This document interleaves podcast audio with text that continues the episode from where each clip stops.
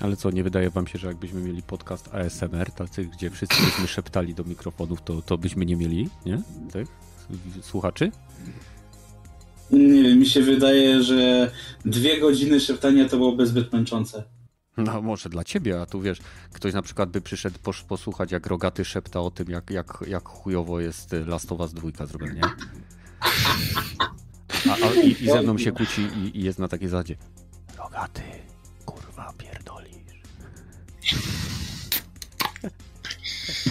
Ja, ja, bym, ja bym nie wytrzymał, ale... Nie wytrzymałbyś. No nie mam, mam wrażenie, że się dowiemy z z naszego czatu, czy ktoś tam... Ja mówię, e, mi się wydaje, że można by tak mówić, nie wiem, z 10 minut 15, ale nie dwie godziny.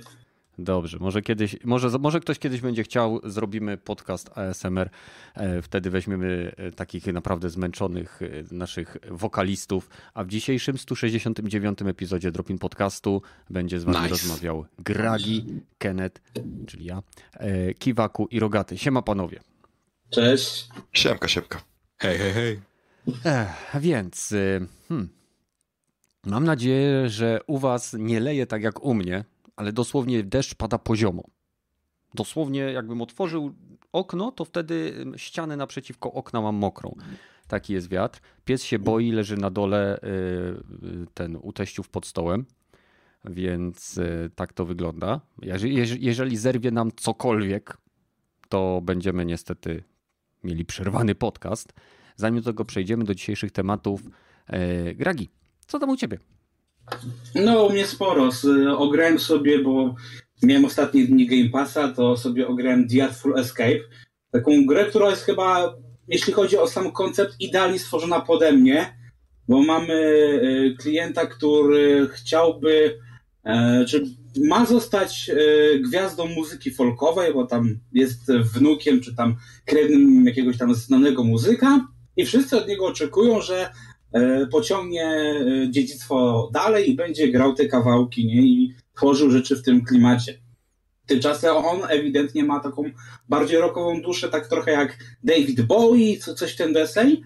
E, I, I tak no nie bardzo mu to zaczyna leżeć i w wyniku pewnych okoliczności, że tak powiem, dostaje szansę, żeby się wykazać E, I zaczynają się różne takie bardzo psychodeliczne rzeczy, takie jakbyście oglądali okładki właśnie, nie wiem, Davida Bowiego czy Jimmy'ego Hendrixa. Mi się z tym, mi się tym najbardziej tak z Hendrixem kojarzy.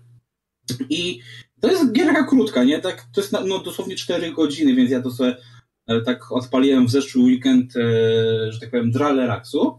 E, I gameplayowo to tam się, że tak powiem, niewiele dzieje, chociaż jest kilka takich momentów, które bywają frustrujące z racji tego, e, że nie do końca wizualnie jest ci zakomunikowane, jak e, trzeba wstukiwać klawisze, żeby one działały, bo to są takie elementy takiej typowej gry muzycznej, że masz w odpowiedniej kolejności wklepać dany przycisk.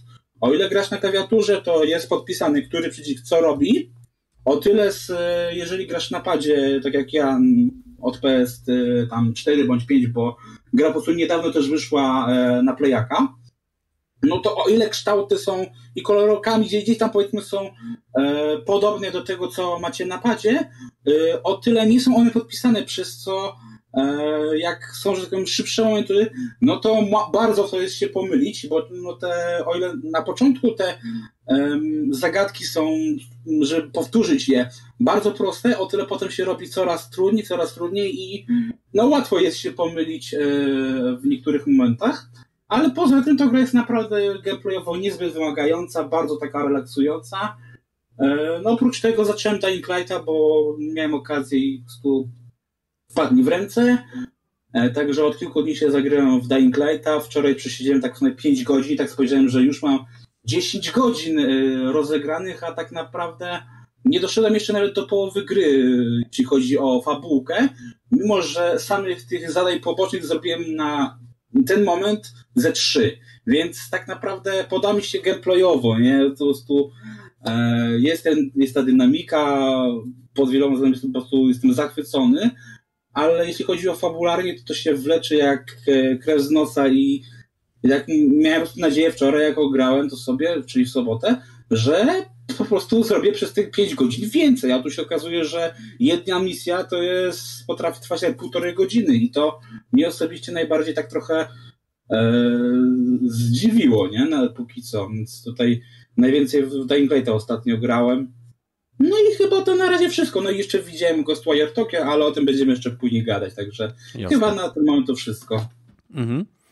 E, Okej, okay. jeśli chodzi o mnie, to miałem niezwykle mało czasu, e, bo praca zabiera mi ostatnio praktycznie cały wolny czas, jaki mam. Jeszcze w ten tydzień, który nadchodzi, znowu muszę wyjechać na montaż gdzieś tam pod Sierac. Nie mam pojęcia. W każdym razie przez cały do piątku mnie nie będzie w domu, więc do dupy.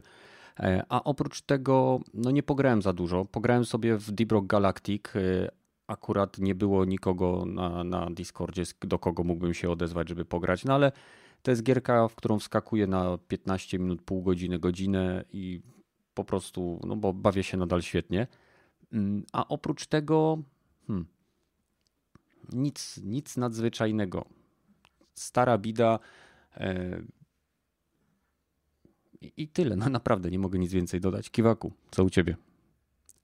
A ja za to nie mogę narzekać na brak czasu, bo e, zlałem sesję w pierwszym terminie wszystko i dzięki temu mam już e, przerwę międzysemestralną i mogę sobie grać ile chcę i w co chcę. I to jest piękne uczucie po, po półtora miesiąca e, męki. W tym tygodniu e, przeszedłem w końcu e, swoje pierwsze gierki w tym roku i to było Steam World Dig na Switcha, e, czyli taka Metroidvania, e, w której kopię to jest się. jedynka czy dwójka grałeś? E, jedy, I grałem w jedynkę, grałem w jedynkę, bo była dosłownie za kilka złotych na promocji i słyszałem, że jeśli się zagra wpierw w dwójkę, to nie będzie się potem chciał wrócić do jedynki, bo dwójka jest lepsza pod każdym możliwym względem, że to jest taki idealny sequel i tak dalej, i tak dalej. Więc sięgnąłem wpierw po jedynkę, uwielbiam tą grę, e, bo to jest Metroidvania, w której wykopuje się sobie e, swoją drogę, korytarze, po których się potem przemieszcza i upgrade'y może nie tyle się... Niektóre upgrade'y się zdobywa w takich typowych dungeonach dla Metroidvanii, ale są też upgrade'y, które się po prostu kupuje za surowce, za pieniądze surowców, które się wydobywa po drodze, tak? i to jest bardzo, e, bardzo wciągający gameplay loop, mocno uzależniający. Po prostu kopiesz, zdobywasz surowce, wracasz na powierzchnię, sprzedajesz surowce, kupujesz jakiś upgrade, e, schodzisz niżej, bo masz lepszy sprzęt, zdobywasz no, więcej surowców. Deep Rock Galactic? Bo brzmi e, bardzo tak, tak, tak, tak, brzmi bardzo podobnie, ale nie, e, niestety, e, w sumie stety, e, Metroidvanie z reguły są 2D, a Deep Rock to pierwszoosobowy shooter, więc no, ta jedna różnica, ciupeńkę, niezauważalna e, jest. E, skończyłem też w końcu Streets of Rage 4. E, ubiłem w końcu ostatniego bossa i przeszedłem ostatnią planszę i szczerze, to jest niesamowite, jak bardzo ostatnia plansza jest trudniejsza od całej reszty gry. W sensie wszystkie pozostałe plansze, ich jest chyba łącznie 12, no to 11 spośród 12 przeszedłem za pierwszym razem, mhm. a ostatnią planszę męczyłem z godzinę, nie? Więc całą grę przeszedłem w, nie wiem, 4 godziny, z czego ostatnia godzina to była ostatnia plansza, więc no, e, namęczyłem się przy tym niemiłosiernie, ale satysfakcjonujące to było po koniec końców. Tylko szkoda, że nie zbalansowali tego lepiej, że reszta gry też stanowiła wyzwanie, a nie tylko ostatnia, e, ostatnia część, ale no bywa i tak. Jeśli chodzi o wizualia i muzykę, to ta gra jest prześwietna, więc jeśli ktoś lubi beatemapy e, i się stęsknił za po prostu za tym gatunkiem, to powinien obadać jak najbardziej. E, no i grałem też w ostatnich dniach bardzo dużo w Shadow of War, bo chcę w końcu tą grę skończyć i przejść do dodatków, które kupiłem e, w swoim hura optymistycznym e, hura optymistycznym e, popędzie. Mhm więc no chciałbym jednak chciałbym jednak w końcu przejść do tych dodatków. Zapłaciłeś, to chcesz przejść. No, zapłaciłem, to chcę przejść. No, a mm. kampania podstawowa już mi się trochę dłuży, bo przejmowanie fortów tylko po to, aby potem je bronić i tak dalej, i tak dalej. E, uwielbiam to, jest to uzależniające, ale z czasem wszystko się zaczyna dłużyć, tak? Więc no. E, no i w tym tygodniu to chyba. A, jeszcze kupiłem e, drugą książkę Jasona Schreiera. Ona się nazywa Wciśnij Reset, bo w końcu została e, wydana w Polsce. I jeszcze nic nie przeczytałem, nawet jednej strony. Pewnie będę mógł się o tym wypowiedzieć dopiero w przyszłym tygodniu, ale jaram się, bo krew, pot i piksele były, były mega. Mm. Więc no. Okej. Okay. Rogaty, przekazujemy tobie mikrofon. Eee, eee, w sumie to tylko jedna gierka, tak, w, w którą zresztą już, o której już chyba gadałem prawie rok temu e, dodatek e, też e, dokupiłem e, Peraspera. E, Green Mars dodatek i teraz gram dosyć to ostro. Nadal mi się nie za bardzo podobał tak jakby wątek fabularny, że jesteś ja i gadasz sam z sobą i e, próbują cię wyłączyć. Spoiler na, na, na końcu. Mhm. ale to jest taki właśnie może nie bez mózgi, ale naprawdę przyjemny, taki slowbornowy kliker, w którym e, no gra jest taka se, ale po 50 godzinach już grania, ja jeszcze se pogram. Je, jeszcze jedna tura, nie tylko, że tutaj jest w czasie rzeczywistym buduje się kolonie na Marsie, ten, wydobywa się minerały, potem mm. się trzeba e, atmosferę zbudować, ocieplić całą planetę przy pomocy to tam, nie ile wiem... lat to zajmuje? Nie wiem, przypuszczam, że ze 120 mi to zajmie. Na razie jestem, w, nie wiem, 19 lat minęło. Chociaż mm. akurat teraz speedruna robię, bo jak grałem poprzednim razem, to po chyba 10 czy 15 latach mnie po prostu zajechało AI e, inne, bo też takie się znajduje na tej planecie. E, nie wiem, no już, już kiedyś o tym mówiłem, że nie podoba mi się trochę voice acting. Nie to, że są chujowi, tylko że ten monotematyczny taki AI kobiecy jest nieciekawy strasznie. E, wolałbym jakby był, nie wiem, HAL 9000 albo, nie wiem, Wiki też, też jest zły komputer. No, nawet Skynet by mi się bardziej podobał od tego, co tutaj jest, ale tak jak mówiłem, świetnie się to gra, jeżeli się ma za dużo czasu i nie chce się za bardzo myśleć, bo tylko się klika, zbuduj tu bazę, klika, odkryj to miejsce, klika. No, taka, taki, może nie, nie bez, bez, bezcelowy klikacz, ale bo zakończenie gry jest dosyć normalne. Kolonizuje się cały Mars, zamienia się go na zielony, mam nadzieję, i finish. Ale to, to jeszcze I nie... Do, nie, nie, nie to znaczy, już spoiler, już jestem w, na czwartym chyba czy piątym e, etapie ten, terraformowania Marsa i już mnie koalicja e, Unii Eko coś tam e, chciała wyłączyć, a znowu mi koalicja ja, tak azjatycka mnie dała kod, żeby mnie, żebym nie musiał być wyłączony. No i jeszcze miałem opcję, nie, dobra, wyłączajcie mnie, nie chce mi się to grać, ale, ale zbuntowałem się, tak jak mówiłem, no i jedziemy dalej. Aczkolwiek muszę, nadal mam o kolonistów, pod te, ca, ca, cała gra polega na tym, żeby koloniści przeżyli pode mną, żebym im pomógł skolonizować tą planetę, a nie żeby ich pozabijać i żeby umarli beze mnie. No, no tak, naprawdę terraformować Marsa dla robotów. Dokładnie. Jest na Humble Bundle w tej chwili, w tym miesiącu, więc warto sobie to e, za te 11 czy 12 dolarów ograć. Mhm. Polecam. I to chyba wszystko, w co grałem w tym miesiącu, w tym tygodniu. Okej. Okay. E, no więc e, co jeszcze z takich ciekawych rzeczy, o których można by powiedzieć? Hmm. Rockstar potwierdził, że pracuje nad GTA 6. tak? I że podobno prace już trwają. Wow. Jak sądzicie, gra wyjdzie w 2025? Co jest tak śmieszne, że ludzie się jakkolwiek przejmują tego typu oznajmieniem, że, oznajmieniem, że ej, e, gry, pracujemy nad tą grą, tak? W sensie każdy się domyślał, że ta gra powstaje. To jest sequel do najlepiej zarabiającej gry lat do praktycznie wszechczasów, więc wow. E, no shit Sherlock, że powstaje sequel. Pytanie brzmi, na jakim etapie prac są? To ludzi interesuje. Czy są dalej w dupie, czy już prace są na bardzo zaawansowanym etapie i możemy się spodziewać zapowiedzi? Nie wiem, pod koniec tego roku, w przyszłym roku, za dwa lata. Hmm. To są rzeczy, które ludzi ciekawią, a nie Dobrze. jakby oznajmili, ej, e, zapowiedź następnego GTA pod koniec roku. O, tym się hmm. można jarać. Hmm. No, e, CD Projekt zapowiedział, że e, poza oczywiście próbą naprawienia i ciągłej pracy nad e, Cyberpunkiem i Wiedźminem, który będzie miał next-genowy upgrade i podobno jakieś tryby multiplayerowe czy jakieś online'owe funkcjonalności, które będzie CD Projekt teraz pchał w różne tytuły, to planują symultanicznie wystartować z dwoma nowymi tytułami AAA w, jeszcze w tym roku. No i w zasadzie fajnie, że się chwalą, tylko niech najpierw wypuszczą tego cyberpunka.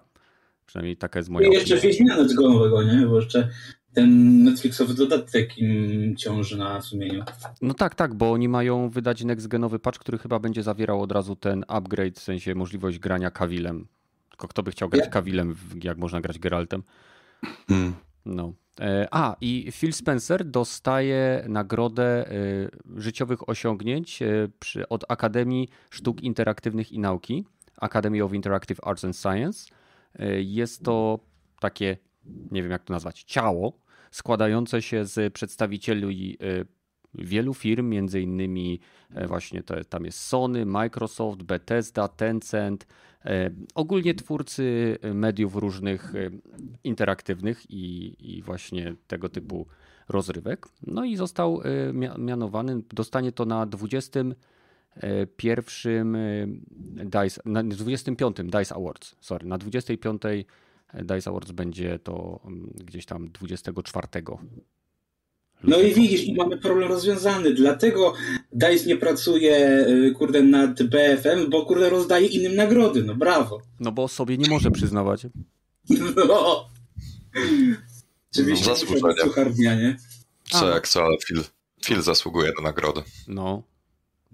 Trochę namiesza. Chłop na swoich barkach nosi całego Xboxa. To jak Kawil serial Wiedźmina.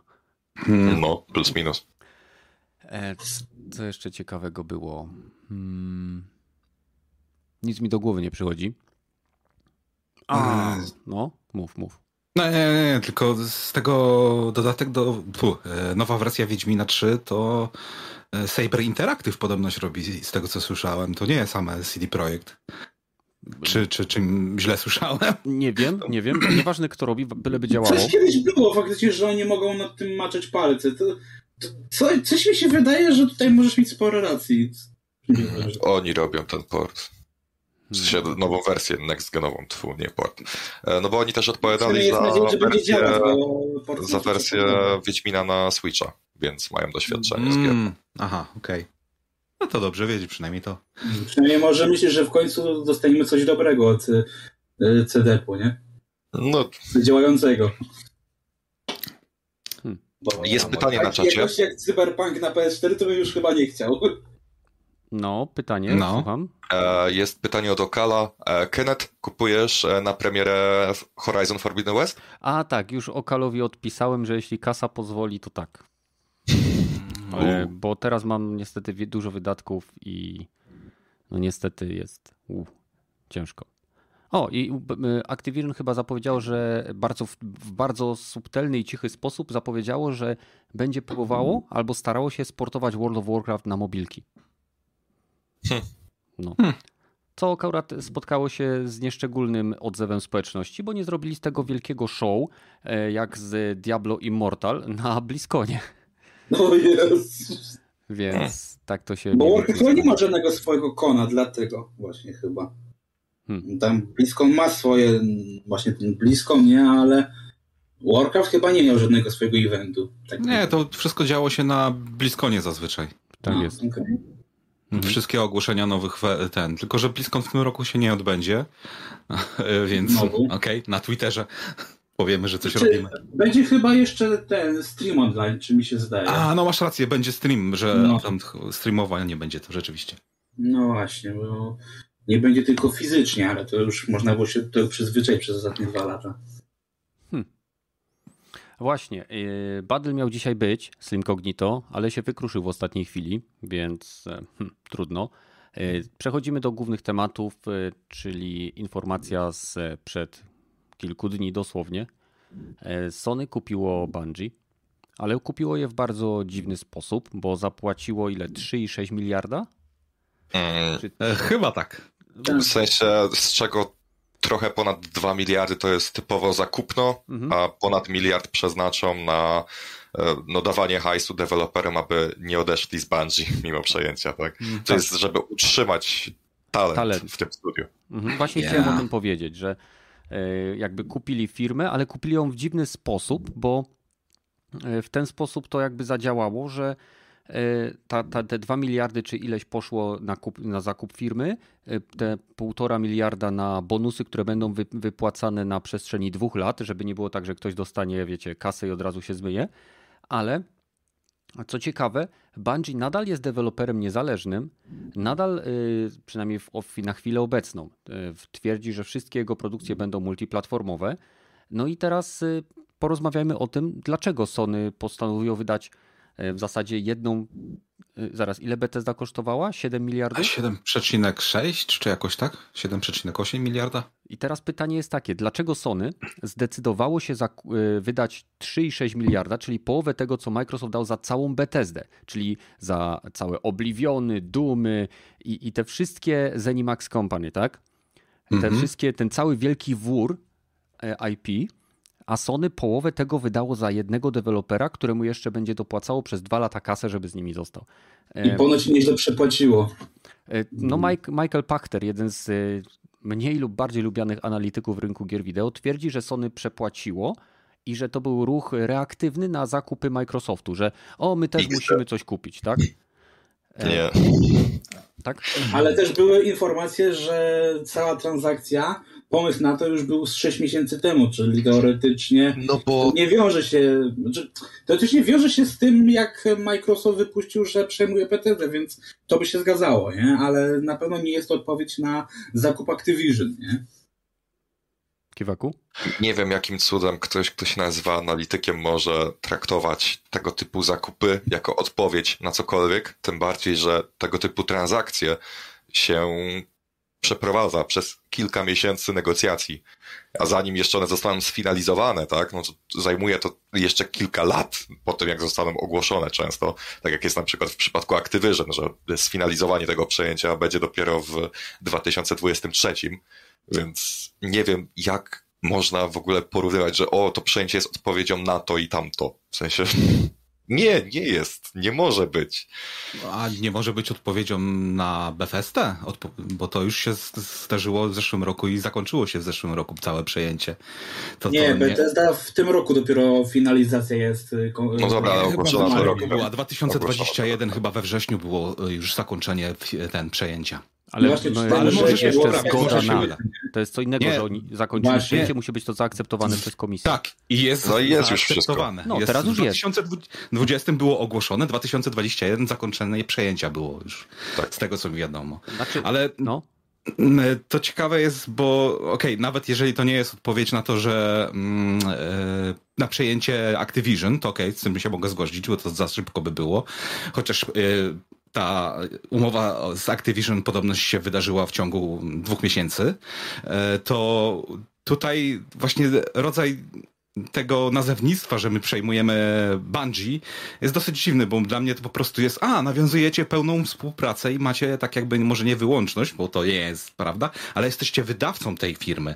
Bo tak jak kiedyś Activision było wydawcą tego e, Destiny, to teraz e, Sony jest wydawcą e, nie jest. nie jest. Nie jest wydawcą, ale jest, ma posiada prawo, ich do No, posiada ich, ale nadal będzie wydawać gry na inne platformy też, z tego co zrozumiałem z tej... Tak, tak. To, są to, niezależni. Są, są niezależną firmą zależną. Chyba tak to się prawnie nazywa. Czyli ożeniliśmy się z tą kobietą, ale jeszcze może się ona puszczać z innymi, okej. Okay. Znaczy, wiesz co, y, ja mam wrażenie, y, mogę się mylić, ale że ta kwota, te 2 miliardy, które poszły za to, bo tam było porównanie do Respawna, który został kupiony za 700 milionów dolarów, E, I mam wrażenie, że akurat tutaj, jeśli chodzi o Bungie, to trzeba by się zastanowić, czy oni oprócz tego, że są nadal w otwartej współpracy, to czy oni nie zyskali praw do IP, które ma e, Bungie.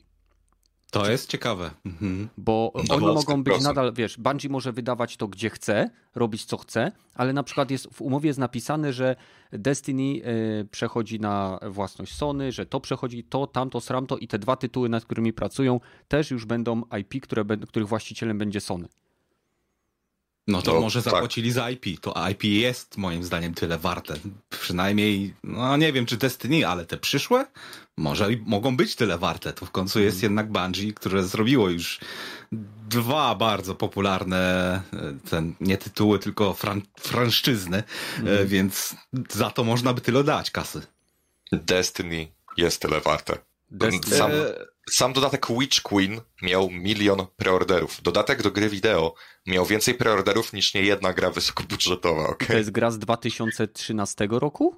E, nie, nie, nie, 2017. 2000, przepraszam, 17. Destiny 2, no. I to jest nadal gra, która od 2017 roku ma stabilną y, społeczność, gdzie gracze ciągle w nią grają, ciągle płacą i ciągle to przychodzi, przynosi im do, dochody.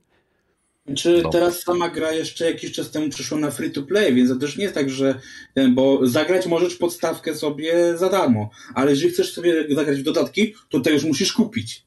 Tak, no. tak, tak. To jest to tak zwany trochę... pay to play. No. No. Więc y, ta kwota, w mojej opinii, jeżeli chodzi o 2 miliardy, nie mówię o tej kasie bonusowej za utrzymanie talentu w firmie, tylko o te 2 miliardy miałaby logiczny sens, jeśli Sony przejmowałoby nie tyle samo Bungie, co dawałoby im kasę, dawałoby im y, swobodę działania, ale stawałoby się kuratorem ich IP. No, z tego co słyszałem, to dla Sony też bardzo ważna jest technologia yy, i tak jakby gra yy, serwisowa, dobrze zrobiona mhm. i cały system wokół niej dla nich jest dosyć potrzebny, bo w tej chwili chyba nie mają żadnego innego takiego wejścia w ten świat, jeżeli chodzi o FPS-y. Kiedyś tam Planet Side 2, kto to robił? Bo już nie pamiętam. Sony Kiedyś Interact Sony Online Entertainment, Entertainment a później o, Daybreak online. Studios, bo sprzedali to.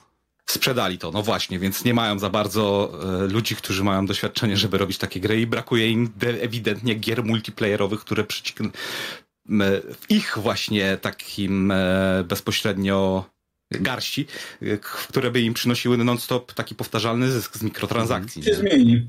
Czyli jeśli dobrze rozumiem, Sony próbuje za pomocą Bungie zatkać największą dziurę w swoim portfolio, Czyli tak. absolutny brak tytułów multiplayerowych, tytułów live service i to mi przypomina wywiad e, z panem Jimem uśmiechniętym Ryanem, e, który e, powiedział, że do 2024 albo 2026 roku Sony planuje wypuścić 10 gier live service.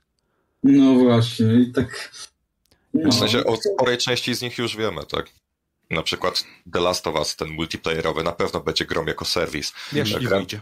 Gran Turismo 7 e, możemy potraktować praktycznie jako grę, jako serwis, bo będzie wspierany po premierze, I tak samo jak Always Online. No, no. Dokładnie, to też. Um, na pewno Twisted Metal, e, o którym się już tyle plotkuje, będzie pewnie grom as a service, nie wyobrażam znaczy, sobie. Na razie z tego ma być serial, więc nie wiadomo, czy będą robić z tego grę. Serial i gra, okej? Okay? Nie zrobi, Wiemy, nikt nie robi serialu gra. z martwego IP. No bądźmy realni. No, nikt nie, nikt tak. nie wyciągnie nagle Jojo, może nie Jojo Bizarre Adventure, tylko Kirby Wonderland które nie wiem kiedy miało Last ostatnią to nie jest martwe IP? No nie, bo, bo JoJo, jeżeli jako marka, to jest bardzo żywe. Niedawno mieliśmy premierę szóstego partu, ale jeżeli jako gry, no to ostatnio ale... faktycznie mobilka wyszła. No, ale rozumiecie o co chodzi. No nikt nie robi serialu, tak, tak. Nie próbując wykorzystać tego jako marketingu, bo nikt kuźwa z, z graczy, którzy nie jest starym wyjadaczem z marki Sony, nie ma pojęcia, co to jest Twisted Metal. No. Może kojarzy tego klauna, Sweet Tootha, nie? Ale, ale no. nie kojarzy nic więcej. Może to Poza będzie po prostu short, takie jak były przy Antemie, takie wynajmujemy wielkiego reżysera, nam zrobi shorta i short się okazuje, że to jest lepsze niż gra. Może Bo tak to być. nie jest pierwsza, pierwsza taka rzecz. Dobra. Były czyli... plotki o tym, okay. kto nawet będzie robił tego Twisted Metala, więc e, tak, to, to zdecydowanie się wydarzy na jakimś etapie w przyszłości, tylko pytanie brzmi za ile lat. No hmm. i jeszcze gierka od e, oni współpracują z Deviation Games, czyli gośćmi, którzy są byłymi twórcami Call of Duty, w sensie e, talent, nie że studio, tylko że niektórzy ludzie z tego studia pracowali właśnie nad kodem no. w przeszłości. Haven też pracuje podobno nad gierką as a service, więc nie tylko studia Sony, ale też studia, z którymi Sony współpracuje tworzą w No, sporej części gierki multiplayerowe. Trzeba pamiętać, że e, Bungie pracuje nad grą e, na komórki też z tego co słyszałem, dostało za to 200 milionów dolarów i nadal nie widziałem, żeby ta gra się pojawiła, a to chyba było w 2019 jeszcze, jak to ogłosili, że chyba nie NetEase, tylko Tencent chyba im dał trochę kasy na robienie tego IP i nie wiadomo, gdzie to teraz poszło. Wiesz co, to jest troszeczkę tak, jak kiedyś Sony miało y, umowę z ArenaNet, z twórcami Guild Wars y, dwójki, że gierka ma być, ich gry mają być sportowane chyba, albo z, nie z Nexonem, tylko tych od y, gierki Lineage. Nie wiem, nie pamiętam kto robił, ale też miały ich gierki być, ich MMO miały ekskluzywnie pojawiać się na platformie Sony. I to jest umowa z 2000, y, przepraszam, z, z okresu PlayStation Trójki. Żadna gra od nich jeszcze się nie pojawiła. W ogóle jestem ciekaw e, z tym multi e, grą usługą, bo przecież w zeszłym roku, czy tam dwa lata temu e, Sony miało tą wyłączność tam czasową chyba na grę Disintegration, która była tym takim free-to-playem FPS-owym, to było takie coś z jakimiś umiejętnościami, coś takiego jak Halo złączone z portalem.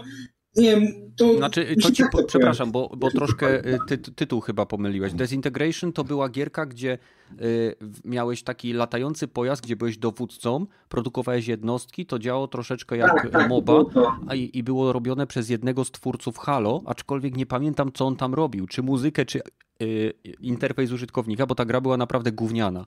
I, No to i to mówiłem- chyba po, po roku, nawet nie całe, chyba po pół roku. To, Nie, to- to- to padło. ona, ona dla mnie osobiście ona była martwa w momencie, kiedy wypuścili dla plusowiczów Open Beta, czy tam Tak, e, tak. tak, taki test techniczny, bo to było, to było coś, co sięgało technologicznie do, do gierek z lat 90., aczkolwiek brakowało temu polotu. Widać, że ktoś wpadł na pomysł, zrobił mechanikę, ale nie miało to serca i duszy. No, No, ale właśnie- wiesz o co chodzi, to chodzi mi dokładnie o ten tytuł. Mhm. To jest, to jest właśnie problem dosyć duży Sony, że oni mają, startują z dużą ilością takich multiplayerowych e, gierek, które bardzo szybko umierają. Jak się nazywało te, Dist- nie Destruction All-Star, e, ta... Tak, Destruction All Stars. To była Destruction All-Star, tak? Tak, tak. Tak, tak. Z- I no, to no, no, no, niedawno i- miało. Za kilka dni będzie miało pierwszą rocznicę istnienia. Aha, czyli trafi może do plusa wreszcie, zacznie ktoś było to w PS miało- Plus. A, było już to wreszcie i, miało plusa, i już, już, dlatego- już nikt, nikt to nie gra. O. No, No to właśnie kolejna gra e, w- pod stajeniem Sonic, którą praktycznie mało kto gra. No to nie wiem, jak właśnie następna gra od Bungie będzie wyglądała, no bo skoro teraz Destiny jest free to play, no to to chyba też by musiało być free to play, żeby miało szansę taką zaistnienia na rynku, bo konkurencja jest gigantyczna. tej ja chwili. wiem. Znaczy, No nie wiem, Bungie no- to jednak marka. Pa- Patrząc, patrząc na historię Bungie, no to pierwszy Destiny, dobra, wystartowało na czterech platformach, to fakt faktem, ale ani technicznie nie powalało, ani fabularnie nie powalało i ogólnie ta gra dopiero chyba po ostatnim dodatku była ok. Tak. I podobnie, podobnie i tak była szalenie Destiny popularna. dwójka. Tak, była szalenie popularna. I tutaj właśnie dochodzi do tego, że ta gra musi wystartować, następna gra od Bungie musi wystartować na wielu platformach, bo jak wy- wystartuje tylko na Sony, to będzie patrząc na na, historię, Będzie. no, tylko że w jakim, w jakim stopniu będzie na wielu, nie? Czy to będzie o czasowy ekskluzyw, czy, czy Według mnie Sony, jakiś... pla- PlayStation i PC. Na, na, jeżeli jeżeli chcą odbić piłeczkę Microsoftowi i zachować się podobnie, no to wypuszczą na swoją platformę i na PC-ta. i na PC-ta. No okej, nie no. sądzę. W Mówisz? sensie to, to To jest Bungie decyduje tak naprawdę. Nie? Sony skupiło Bungie dla to, dlatego, ponieważ chcieli mieć talent. Tam pracuje ponad chyba 700 czy 800 osób, Mhm. które zwyczajnie wiedzą, jak robić gierki multiplayer, e, które są e, Game as a Service, tak, czyli GAS. E, Przy okazji też chcieli na pewno zyskać e, IP, jakim jest Destiny, bo będą mogli je na przykład wykorzystać e, poprzez Sony Pictures. Teraz mogą zrobić film o Destiny, mogą zrobić serial Destiny. W sensie, nie chcę nic mówić, ale znając życie, to by się cholernie dobrze e, oglądało, jeśli chodzi o ilość osób, tak, która byłaby zainteresowana, bo ta marka jest zwyczajnie duża. E, No i też teraz Sony może po prostu czerpać zyski z tak ogromnego IP, którym jest właśnie Destiny. E, Jak mówiłem, Te dodatek... chyba są też całkiem intratne, nie? Chyba No, dużo tam tych mikrotransakcji się tam sprzedaje. Ale Sony chciałoby robić serial Destiny? Serio? Kto wie, mo- mogą chcieć. ale... Słuchaj, ale- Microsoft robi serial Halo. Tak, no właśnie. A Sony robi serial Twisted Metal, robią film Ghost of Tsushima, to są Last rzeczy, które są potwierdzone. Ale tak. wiesz, dobra, Last of Us jest potwierdzony, Twisted Metal pożegnamy, zobaczymy, ale nie wiem, Destiny, serial, serial, tam fabuła jest taka płytka, że kuźwa i taka cieniutka jak kapka papieru. W dwójce podobność jest już lepsza. Pograłem, przeszłem prolog i czytam początek i e, mm, nie, nie jest dużo lepsza moim zdaniem. Z perspektywy adaptacji im mniej rozbudowany jest materiał źródłowy, tym lepiej, bo możesz a, sobie. dobra, to, to możesz sobie, zrobić, możesz sobie zrobić z tym, co chcesz. Tak było na przykład w przypadku Arkane i League of Legends, tak? Mogli sobie zrobić z tym światem praktycznie co chcą, bo fani i tak zaakceptowali zmiany, bo to były zmiany na lepsze. To samo będą mogli zrobić w przypadku Destiny. No, podstawowa fabuła w tej serii może jakaś powalająca nie jest, nie wiem, nie zagłębiałem się, nie ale dzięki temu będą mogli ją sobie rozbudować w taki sposób, jaki będą chcieli i fani to prawdopodobnie zaakceptują. Więc... Pewnie tak. No, tak w Mortal Kombat tak było w 95, że w momencie jak wyszedł film, to z tych pierwszych dwóch czy trzech części, to ta fabuła była taka bardzo umowna, że można było z tego lepić coś tak. większego. I, I tak było właśnie dlatego Mortal Kombat z 95 jest takim hitem, bo tak Dokładnie. naprawdę wziął tylko koncept y, turnieju z wejścia z Moka i tak dalej, ale potem rozbudował lore tak, że dzisiaj w, w Mortalu 11 mamy bezpośrednie odwołania do tego filmu. Jak chociażby wzięcie aktora, który grał Shansunga, nie? Tak, no ale porównujesz gry, które były, e, nie wiem, 16 czy 16-bitowymi arkadowymi do gry, która ma, ma jakieś, nie wiem, 20-30 godzin, nie, żeby no, zobaczyć całą fabułę. Ale chodzi nie? o sam koncept. Jeżeli, jeżeli masz yy, fabułę, lore, który jest tak naprawdę nakreślony tak, żeby był po prostu, to możesz z tej gry naprawdę mieć potencjał, żeby zrobić z tego jakiś film, serial, książki, takie jak na przykład masz z Far Cry'em, y, Asasynami, nie? możesz do tego dopisać dużo, nie? No to czyli taki, zróbmy z tego taki Wiedźmin. Nie ma to nic wspólnego z książkami, nie ma z filmami, to jest nie, nasza nie, nie, własna wizja i potem wychodzi taki jak wyszło, no to Wiedźmin. Nie jest, to nie jest tak, bo y, problem jest wtedy, y, tutaj co, o czym mówi Kiwaku, kiedy lore gry jest zbyt dobrze określony, to wtedy zaczyna być problem z wpasowaniem się czegoś, co ma być serialem, czyli czymś, co jest, odbierasz biernie, do czegoś, co ma jest grom. Zobacz, że teraz gracze już na przykład dopierdzielają się do tego, jak wygląda w trailerze Halo Cortana i że stoi tam samochód z 2007 a, a, a. roku, y, z tym, gdzie że... to się dzieje na obcej planecie 100 ileś lat w przyszłości. I rozumiem. używają AK, AK, też, więc. E, no, AK no ale rozumiesz o co chodzi, nie? Ale że... ja mówię, Toyota to jest naj, najwytrzymalszy samochód na świecie, których używają bardzo dużo terrorystów. Nieważne, Jedno i drugie ale może nie być. tłumaczmy tego tak. To nie, nie. W Halo nie ma Toyot. E, nie wiem, może masz rację, no. ale to, to też jest alternatywna historia. To nie jest ekranizacja gry, to nie jest ekranizacja książek, to jest ich to własny To samo można powiedzieć lore. o wszystkim, co zrobi Sony, prawda? No, potencjalnie. Potencjalnie, bo y, y, Destiny ma świetny rdzeń. Tak? W sensie mamy walkę, bardzo jasno określoną okay. walkę dobra Jeśli chodzi o gameplay, mamy tak. power trip. E, nie, mówię o, o osi fabularnej i osi świata. Nie, tu, z, z, tym się zupełnie nie zgodzę, bo to, to jest po, porażka, kuźwa. E, ja bym coś takiego, no, nie wiem, w podstawówce napisał. No właśnie o to chodzi. Światło, to jest jak w Gwiezdnych zło, Wojnach. ciemność. Tak, ale w Gwiezdnych Wojnach nie krzyczeć. też... Mówiliście, że nie będziemy krzyczeć. A, okay. E, w, w Gwiezdnych Wojnach była też dusza, postacie ciekawe, a tutaj dopiero postacie ciekawe pojawiły się w Destiny 2 i ale to też... o to chodzi właśnie, że sam, jak, jak ob, obskubiesz Gwiezdne Wojny z postaci, tak? I e, na czym się opierają Gwiezdne Wojny? Masz jasną stronę i ciemną stronę. Na czym się opiera Destiny? Masz jasną i ciemną stronę. A to, czy pomiędzy tymi stronami biegają e, magiczni Jediowie z świecącymi mieczami, czy superpotężni, wskrzeszeni ze zmarłych e, strażnicy, którzy potrafią się posługiwać jedną lub drugą stroną, to masz już totalne totalną swobodę, jak to zrobisz.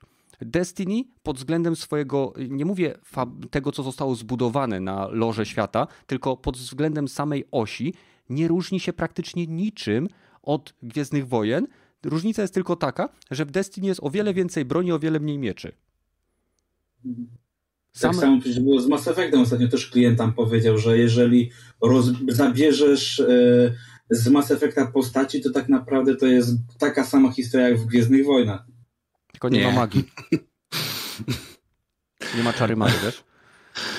No ale nie, y, pierdzielić, czy Sony zrobi serial. Może, tak? Ma, jeżeli kupiło to i Bungie będzie ten, jak najbardziej mogą, to się sprzeda, bo jest tylu fanów, y, którzy grają nadal w Destiny, że będą to oglądali tak jak fani oglądają Arkane, bo grają w Lola.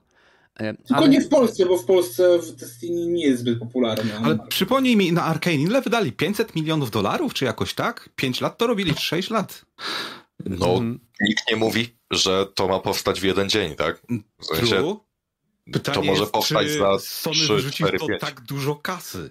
Ale cholera wie. i dają im tak tyle dużo czasu, żeby to zrobili Ale porządnie. No, nie jest powiedziane, że będą szli po tak piękny i artystyczny styl wizualny, jak było w Arkane. Mogą to zrobić w o wiele tańszy sposób, na przykład, y, nie wiem, zrobić mm, jakieś partnerstwo z Netflixem i zrobić to w ich typowej kresce, która wystąpiła na przykład w tej serialowej Tocie albo w Castlevanii i tak dalej, i tak dalej. Te wszystkie seriale wyglądają podobnie. Animowany są, serial, okej. Okay. No na przykład. Mogliby to zrobić w ten sposób. Ewentualnie zrobić aktorski. Nie wiem. Mogliby w sensie... od czegoś zacząć. Chodzi o to, że jeżeli będą chcieli, to, te, to jeżeli mają do tego prawa w taki sposób, to będą mogli. Nie? Dokładnie. Chodzi o to, że mogą. Kupili I to jest potencjalne tak źródło zarobku.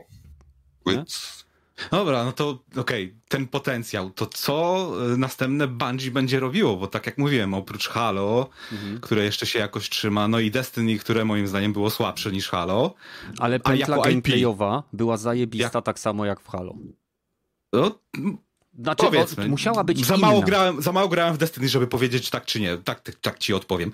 Musiała ale... być inna, ale ogólna mechanika y, to jest takie no, o, no to, to jest świetna gra, jak się gra z kolegami, to, to, to się zgodzę. Te rajdy są naprawdę ciekawe zrobione. Jeżeli ktoś się tym interesuje, to to rozbudowanie i walka z tymi bossami jest ciekawa, bo oglądałem kilka takich streamów, gdzie właśnie walczyli ponad 6, 7, 8 godzin, żeby przejść jakiś tam raid, ale dobra, co dalej przy Bungie, bo tak jak mówiłeś, oni tam dwa lata będą mieli, e, będą płacili. Czy po dwóch latach e, wszyscy nie odejdą z Bungie? A, wiecie co, pierdolimy, to nasza się wypłata już zostana. Się okaże, bo tak to właśnie wszystkie umowy, umowy teraz wyglądają mniej więcej w świecie no dobra, nie wiem czy wszystkie, bo słyszałem tylko o dwóch, czy w świecie e, Sony, że już nie, nie dostaje się premii zaraz po premierze gry, tylko albo od 6 do 2 lat. Od 6 miesięcy do 2 lat trzeba poczekać, żeby dostać premię za e, wydaną grę. Z tego co słyszałem właśnie ludzie, którzy pracowali nad tą gromo zombie od Sony, nie, nie Days Gone. Days Gone, to mówili, że e, okej, okay, wystarczy dwa lata i będę miał swoją wypłatę i w sumie siedzę na dupie, nic nie muszę za bardzo robić. Tam udaje, że te, takie plotki były, że teraz mimo, że pomagają innym studiom, to nie, nie za bardzo muszą się wysiłać, wysilać. No, to okej. Okay. I tutaj, czy nie będzie takiego, takiego samego odpływu jak e, ludzi jak przy DICE, jak tam właśnie mhm. po piątce, no, a fa fakt jest, dostaliśmy wypłatę, idziemy stąd, bo nam się nie podoba. Nie, nie podoba wam się, to, to nie kupujcie. Tak samo było chyba przy Apexie, tam też sporo ludzi odeszło, żeby i pozakładali nowe studia, nie? To, to, to, I to też chyba gdzieś koło pół roku, czy po nie więcej, bo po Apexie to już było po przejęciu przez EA, to co najmniej dwa lata po przejęciu od EA. Sporo ludzi odeszło od, od e, e, Respawna. Ciekawi mnie, czy tutaj nie będzie podobnie, nie? Technologie mają, IP mają, ale ludzi za zachowają na więcej niż dwa lata? To mnie ciekawi. Wiesz co, to jest e, trudne pytanie, bo mają teoretycznie mają, oni nie, nie zmuszają ludzi, żeby zostali. Tak? Te półtora miliarda czy ileś tam e, kasy, którą będą przez te dwa lata wypłacać po to, żeby ludzie nadal z nimi byli i nadal pracowali w Bungie, może być też okresem, e, który pomoże tym ludziom z dodatkową kasą wytrzymać pewne zmiany organizacyjne, które być może będą w jakiś sposób sugerowane przez Sony lub będą w jakiś sposób, nie wiem, te firmy no, musiały się jakoś komunikować, nie? Bo w końcu Sony jest ich właścicielem, więc pewna hierarchia komunikacji będzie wprowadzona. E, ale okay.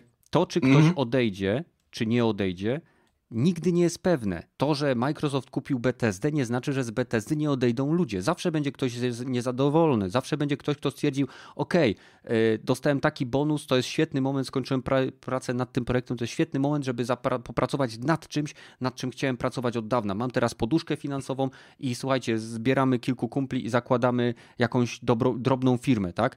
Tak jak, nie wiem, powstało y, Ripple Effect, nie? Czy powstało właśnie, Respawn powstał też z ludzi, którzy odeszli z Infinity Ward i tak dalej, i tak dalej. Y, twórcy, którzy odeszli od y, DICE i tworzyli Battlefielda, teraz tworzą Ark Riders. I to, to ludzie ciągle zmieniają pracę. Ludzie twórczy, którzy pracują w korporacjach, bardzo nie lubią pracy, w mojej opinii. Nie jestem, nie jestem game developerem, nie jestem osobą, która nie wiadomo jest jak twórcza, ale wydaje, ja osobiście nie cierpię siedzieć i robić ciągle tego samego.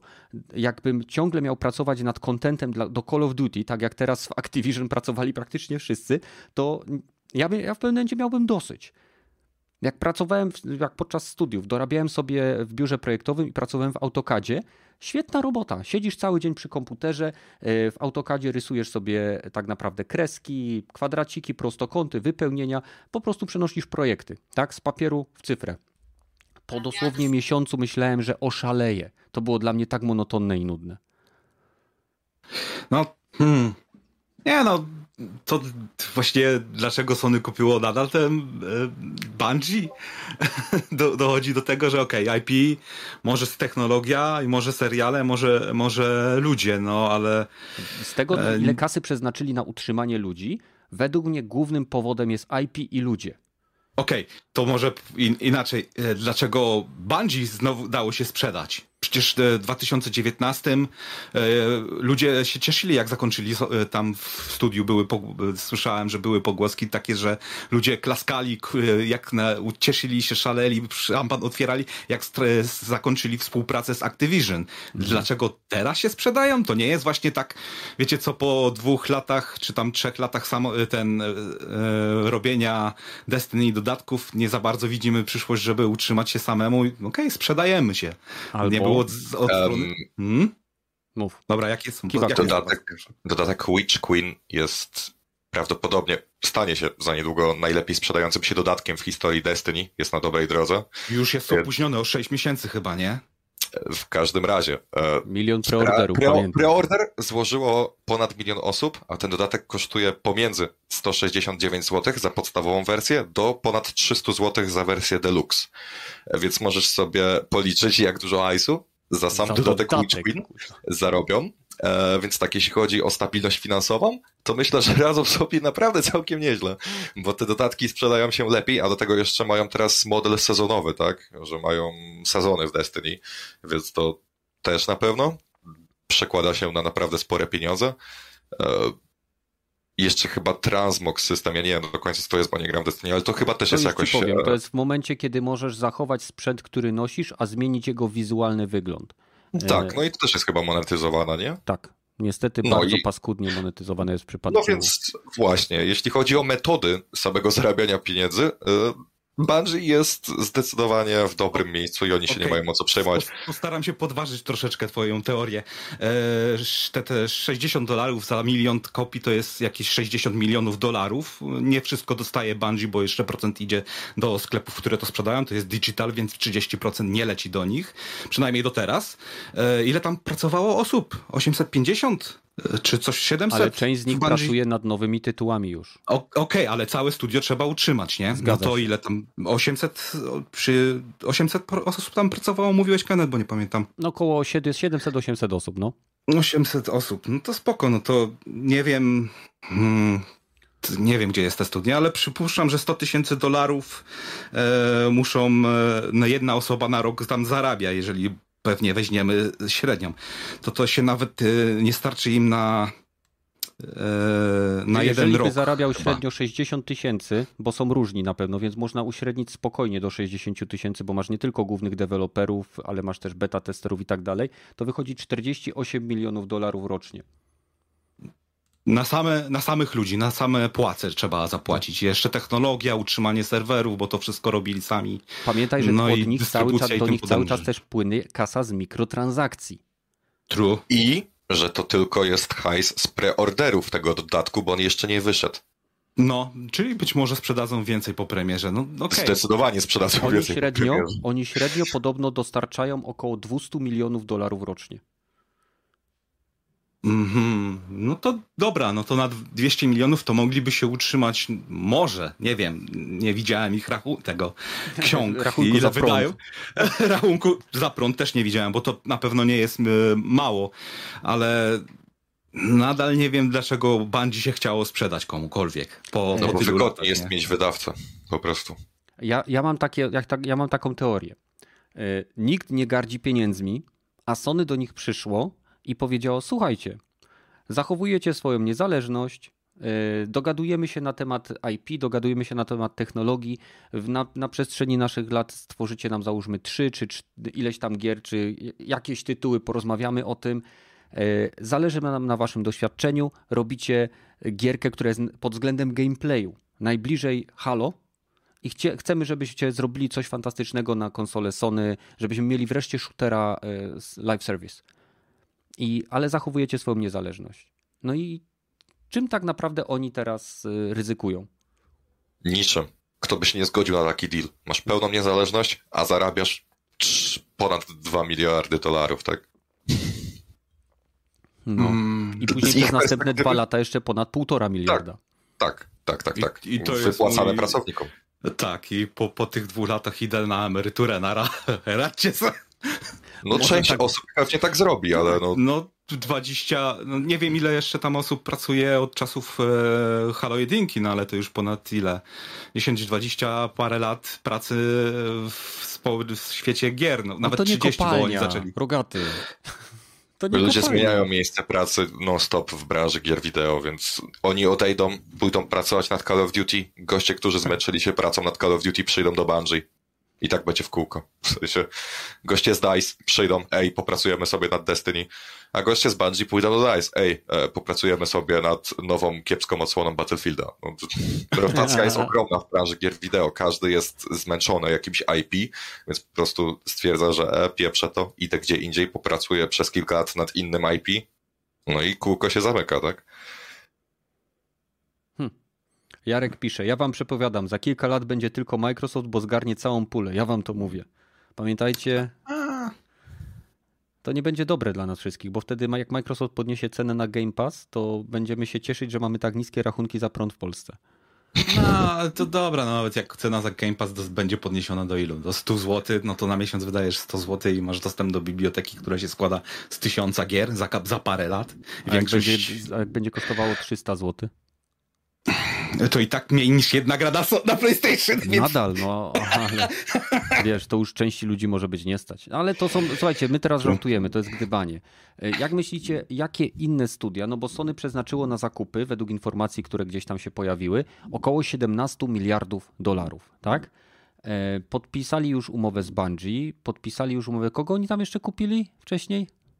Bluepoint, e, Housemark, e, No. jeszcze kupili e, Fire Sprite, tak? Tak. Fire Sprite i kilka jeszcze innych mniejszych studiów, które na przykład portują gierki na PC albo są tylko studiami, które wspierają inne studia, tak? Więc mają jeszcze około, według tych wyliczeń, które gdzieś tam znalazłem, 10 miliardów na wydanie. Jak myślicie, z firm, które wymienię, które firmy mogłyby leżeć na celowniku Sony? Mamy Kodakawa Corporation, czyli między innymi jest tam From Software i cała e, menażeria anime, czyli dostęp zarówno do gier, jak i do e, animacji. Mamy Koei i Tecmo. E, e, Są znani ze współpracy z Sony, więc nie byłoby problemów. Jeśli chodzi o Kodokałę, e, wartość około 3 miliardów dolarów na chwilę obecną według kursów giełdowych. Koei Tecmo około 6 miliardów dolarów. Konami dosyć drogie już by było, bo prawie 9 miliardów. Capcom dziwne, bo cena jest niecałe 7 miliardów, a mają dobre wyniki e, związane z rezydentami i tak dalej. Pozostaje jeszcze Sega, Square Enix i Bandai Namco. Więc mamy Kodokawa Corporation, Koei Tecmo, Konami, Capcom, Sega, Square Enix, Namco Bandai. Jak myślicie, kto ewentualnie by leżał na celowniku Sony? Gragi. Squ- Square Enix na pewno na pierwszy ogień, na, na 100% jestem tutaj, bo zauważcie to, że ostatnie gry od e, Square idą w pierwszej kolejności na Soniacza i tak samo teraz Life is Strange od e, Remaster od e, Square, dostaliśmy na początku na playku, więc Square Enix na, jest praktycznie pewniakiem. Mm. mm. się wydaje, że tutaj mógłby jeszcze ewentualnie, może faktycznie ten Koei Tecmo, ale i ja bym się nie zdziwił, gdyby Formosoft wzięli, bo to jednak Soulsy gdzieś tam tą popularność mają. Był Demon Souls zremakeowany, co prawda, ale to jest nadal marka Promosofter e, zrobiona przez nich tam oryginalnie. Bloodborne, którego ludzie proszą, żeby sportowali, żeby zrobili dwójkę, więc e, to by mnie nie zdziwiło, ale jeżeli patrząc na te ceny, to mi się wydaje, że prędzej skupią jakieś właśnie dwa studia, niż się porło na przykład na takiego Capcoma, który ma te 9 miliardów, więc mówię, no na pewno obstawiał właśnie Square Enix i może te Koei Tecmo na, na, na ten moment, nie? Bo Namco Bandai to też jest dość duża filia, więc też mi się wydaje, że tanio skóry nie sprzedadzą, nie? Hmm. Okay. Chociaż wtedy tak jakby wrócił do prawego domu, nie? Ja bym się cieszył wtedy, nie? Gdyby Namco Bandai zostało w, w, przejęte przez Sony. Okej, okay, kumam, kumam. E, Kiwaku, jak ty to widzisz? Kodokawa, Koei, Konami, Capcom, Sega, Square Enix, Namco Bandai. I ja wolałbym, żeby nie przejmowali żadnych wydawców, bo strasznie irytuje mnie fakt, że teraz molochy próbują sobie wykupić jak najwięcej multiplatformowych IP. Wiem, no ale nienawidzę wybieraj. faktu, że teraz każdy chce a, ukryć jak, ugryźć jak najwięcej tortu i powiedzieć nie, wy już nie możecie grać w to, co było niegdyś multiplatformowe, teraz to jest ekskluzywne. Strasznie mnie irytuje to podejście zarówno u Microsoftu, jak i potencjalnie u Sony, gdyby jednak przejęli jakiegoś wydawcę, który nie jest, nie wiem, Bungie, tak? Więc... No tak, jeszcze mogliby przejąć, żeby mieć persony, żeby mieć Yaku, ten, nie persony, tylko Yakuza Lost Judgment i robić z tym, co, co by chcieli, nie? Ale jak już by mieli kogoś przejąć, no to, to myślę, że Square by im pasowało najbardziej, bo oni tworzą gierki, które by w sumie Sony najbardziej interesowały. E, Final Fantasy, czyli seria JRPG-ów, e, Tomb Raider, który jest no, niejako konkurentem Uncharted, tak, więc mieliby, e, mieliby podwójne przebicie na rynku takich i Lara była twarzą Sony swego czasu, także znowu wracamy do no. domu. Więc mieliby podwójne przebicie na rynku takich liniowych gier akcji. Deus Ex w końcu by mieli jakąś skradankę, no i do tego bardziej pierwszoosobową, aniżeli trzecioosobową, tak? Więc e, no myślę, że Square do nich pasowałoby najbardziej, ale wolałbym, aby nie przejmowali żadnego wydawcę, a jak już przejmą, to trzymam kciuki, że te gierki dalej będą multiplatformowe, a nie odgradzane od graczy tak na siłę, e, jak to na przykład robi Microsoft w przypadku Bethesdy. Okej. Okay. Um, tutaj na czacie piszą, że Square Enix, Square Enix, Square Enix. Um, hmm. Rogaty, jak ty to widzisz? Square Enix? Czy mo może y, jednak y, jakiś, jakaś inna z tych gier, która znowu zapełni jakąś lukę, której Sony jeszcze nie ma wypełnionej? Eee... Mogę przeczytać jeszcze raz. Kodokawa Corporation, czyli od From Software i Soulsów, Koei Tecmo, czyli Dead or Alive i jakieś tam bijatyki. Konami, no to wiadomo, Metal Gear Solid i, i wiadomo, Capcom Street Fighter, Sega, Square Enix, Namco Baidan, Ban, Bandai, Baidan. Bandai no. Wiesz co, wszystkie firmy, które wymieniłeś, to są japońskie firmy, dobrze mówię? Tak no to przypuszczam, że żadna z japońskich firm nie będzie się chciało sprzedać Sony. Nie to, że e, e, mają jakieś obiekcje do Sony, tylko że to jest bardzo trudne w Japonii z, z punktu widzenia prawnego i z punktu widzenia bardzo takiego e, kulturowego. Tam bardzo rzadko się prze, przejęcia e, pojawiają, jeżeli chodzi o duże korporacje, że inna korporacja. Bardziej, bardziej e, idą w zaparte i trzymają się swojej własnej marki, bo to jest rodzinna firma i ludzie tam pracują po, po 50-60 lat w tych firmach i nic się nigdy prawie nie zmienia. Mhm, Jak ale... już się coś dzieje, to albo ktoś ważny odchodzi z japońskiej firmy i tworzy nowe studio i te nowe studio jest sfinansowane, a potem może być e, kupione przez Sony albo kogokolwiek innego, ale rzadko się zdaje, żeby całe studio było sprzedane. No, od lat mówimy o tym, tym Silent Hero i Metal Gear, żeby było sprzedane przez tego e, nie, nie Square Enix. Kto to ma tę markę? Dziura w głowie. Konami.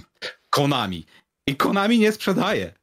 I, no, ale może zobacz, e, kiedyś była firma Squaresoft i Enix i połączyły się je Square Enix. Kiedyś było Koei i Tecmo. Połączyły się w Koei Tecmo. Więc True, może nie ma przejęć, ale, ale właśnie, są ale są merging. I no, to nie łatwiej, sądzę, żeby... Przepraszam, bo jeszcze chcę dokończyć. Oh, Chodzi mi o to, że w japońskiej kulturze o wiele faktycznie jest trudno, firmy japońskie rzadko kiedy sprzedają się firmom zachodnim, ale między nimi już dochodzi do różnego rodzaju transakcji. Tu masz rację, no, zgadzam się, ale chodzi mi tylko o to, że jak dochodzi do, do transakcji, to raczej jest właśnie połączenie się firm, merging, czy jakoś się to tam nazywa. A tutaj nie, my was wkłaniamy, wy przestajecie istnieć. Na to się raczej twardogłowi na, na wysokich sto, stołkach nie zgadzają. Głównie z tego, hej, to była kiedyś moja firma rodzinna, a teraz już jej nie ma, no, no też by mi było. Jakby nie było fajnie, jakbym właśnie musiał sprzedać własną firmę, nie? jakbym miał jakąś. Ale to taka moja dygresja. Mhm. Więc z tych, Ale jakbyś tych musiał wybrać. Musisz wybrać, wybieraj. No Square Enix najprawdopodobniej, bo to im najbardziej e, pasuje chyba pod ich markę i trzymanie się e, właśnie Final Fantasy i może też ten, tego e, Tomb Raidera, który też chyba jest w zamrażalce, tak samo Deus Ex jest w zamrażalce. Nawet jakby kupili Square Enix, to te wszystkie IP raczej by nie powstały zbyt szybko na nowo, bo oni nie mają aż tylu studii, żeby to robiło. Mhm. Mhm. No czat też wydaje się być e, skierowany w kierunku Square Enix, a ja sobie myślę właśnie, e, co tak naprawdę Sony mogłoby zyskać przejmując Square Enix, bo i tak już mają Final Fantasy, krążą plotki, że e, Final Fantasy Remake może się na innych konsolach nie pojawić w trakcie trwania tej generacji. Nie wiem dlaczego, ale takie plotki krążą. Square ma faktycznie dostęp do Crystal Dynamics, więc mogliby wtedy zrobić remake Legacy of Kain Soul River 2. I byłoby to miłe, ale biorąc pod uwagę rynek japoński, na którym e, bardzo mocno trzyma się Nintendo, Microsoft ciągle walczy, żeby w ogóle znaleźć się na tym rynku e, w jakimś znaczącym stopniu, a Sony powoli traci ten rynek. Mi się wydaje, że Kodokawa Corporation, które ma m.in. From Software oraz dostęp do e, dużej biblioteki mang i anime, mogłoby być niedrogim zakupem, bo około 3 miliardy dolarów, a dałoby Sony dostęp nie tylko do całego IP, które należy do From Software, ale także do biblioteki anime, z którego można by tworzyć produkcje albo skierowane na rynek japoński, albo adaptacje gier w formie e, cyfrowej, czyli gier na rynek zachodni. To jest jedna hmm. rzecz. E, druga Albo sprawa... wrzucać anime do tego Crunchyrolla, którego też Sony chyba przejęło jakiś czas temu. Tak, Sony Więc przejęło Crunchyrolla, tak. I to jest 3 miliardy. Mają 10, tak? Wydaje mi się, że to jest mało prawdopodobne, ale mogliby kupić Segę.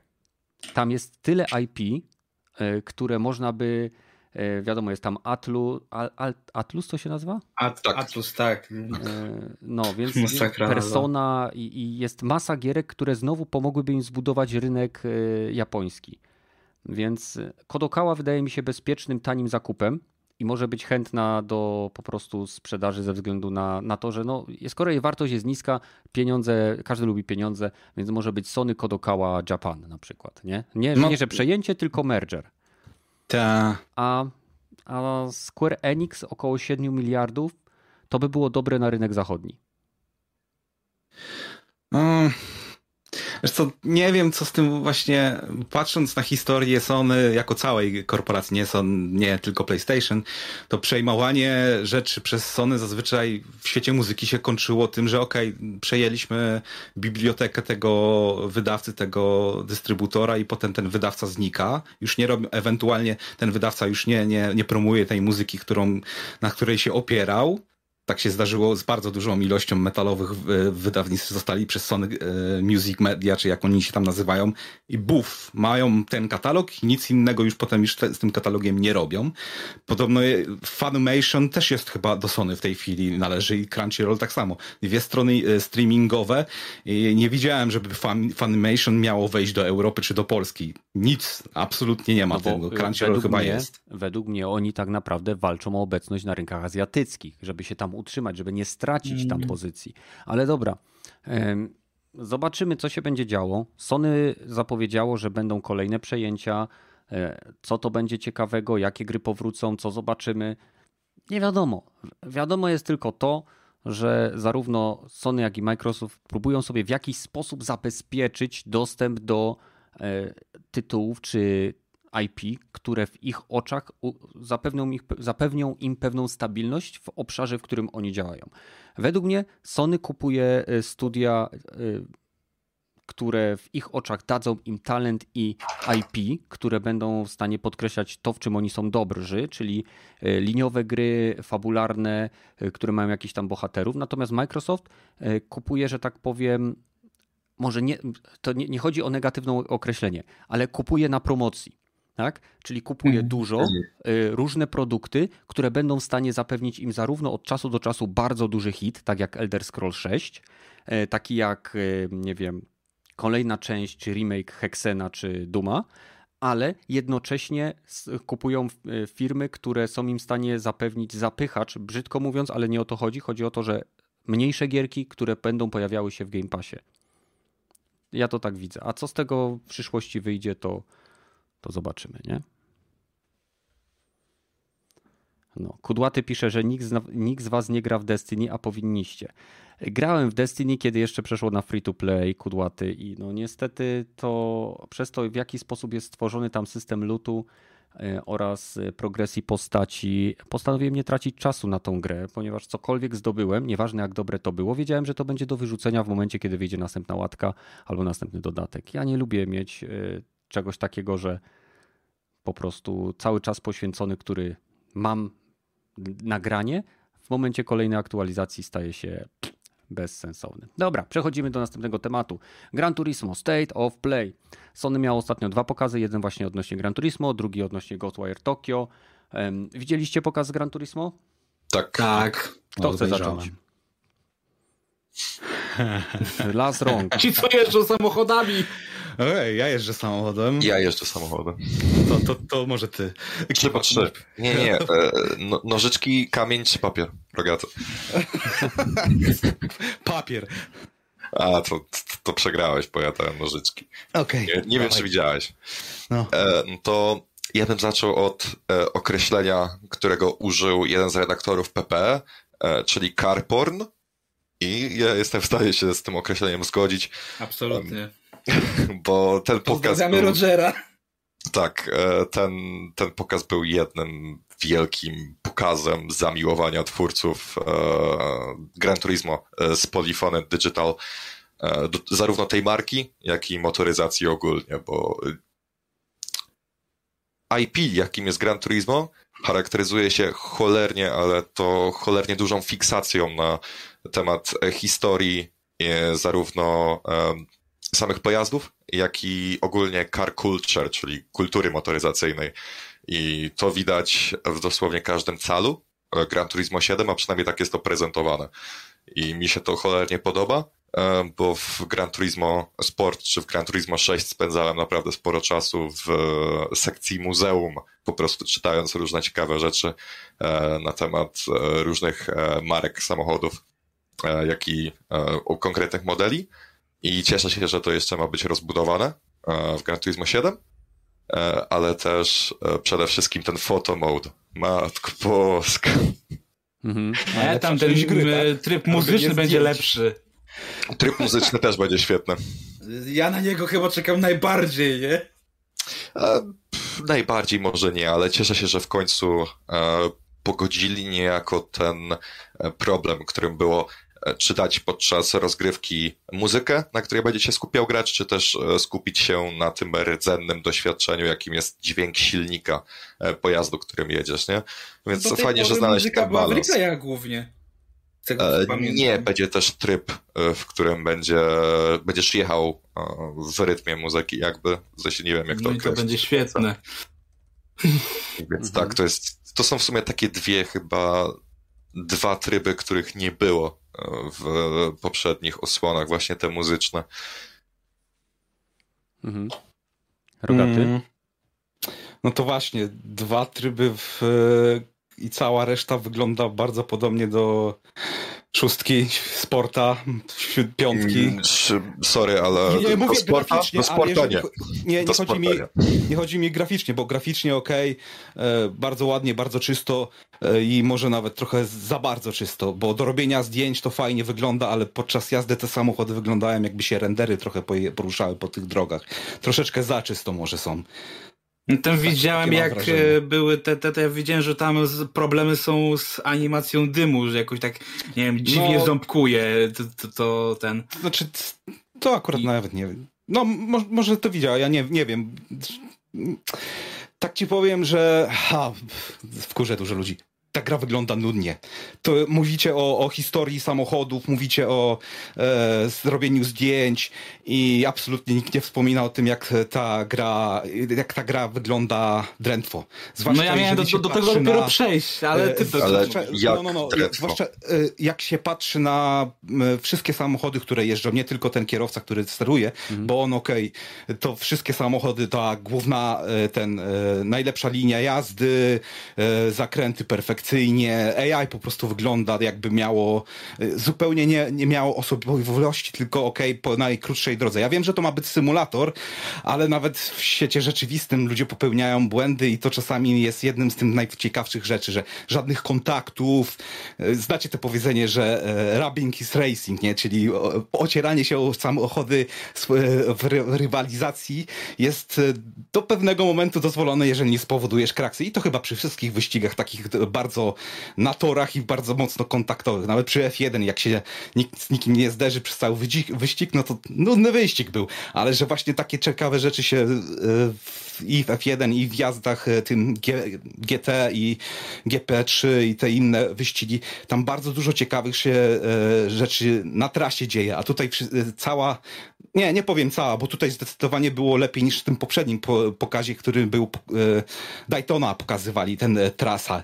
I tam na tej trasie się, zwłaszcza na tym wyścigu, jest to znaczy nie jestem pewien, czy dokładnie ten wyścig pokazywali, ale tam jest Daytona 24 godziny, gdzie się 50 e, samochodów w trzech klasach startuje. Tam się naprawdę niesamowite rzeczy dzieją podczas 24-godzinnego wyścigu, a tutaj w tym poprzednim trailerze pokazali, ok, jedno okrążenie z, z kokpitu, ok, wygląda ciekawie, też trochę e, tak jakby za bardzo sterylnie, nie oddaje zupełnie e, takiego uczucia prędkości. E, to tutaj było już nie, nie, w niektórych momentach było to czuć, zwłaszcza jak tam chwalili się nowym, tym, tym nową kamerą replayów i ten muzyczny tryb, okej, okay, ciekawe. Okej, okay, ale to wszystko są rzeczy, które były, nie wiem, 10-20 lat temu, a panowie, wy nie zdacie swojego świata e, samochodowego? E, gdzie jest drift? Gdzie jest e, te... Był przecież pokazany był drift. W sensie był? Jest nowe, nowe zawody są właśnie w driftu. Nie zauważyłem, przez 30 minut nie zauważyłem ani jednej fajnej sceny z driftu. Dodali, ani dodali no, zawody driftowe patrzyłeś. i drag racing dodali. Nie dodali, w sensie to wszystko było. W sensie to nie no, jest tak, że gra no, od lat, ale od lat. są drifty. Nikt... Jest w sensie... Od Gran Turismo 2 takie co, coś jest w serii. W Gran Turismo no... Sport były nawet gymkany takie typowe, że musisz bardzo krótki tor, taki cholernie kręty jak najszybciej i w jak najlepszym stylu przejechać, więc nie wiem o czym wy mówicie, w sensie... No to w sensie mówię o tym, że zupełnie wyglądało to tak jakby to ani nieciekawie, no.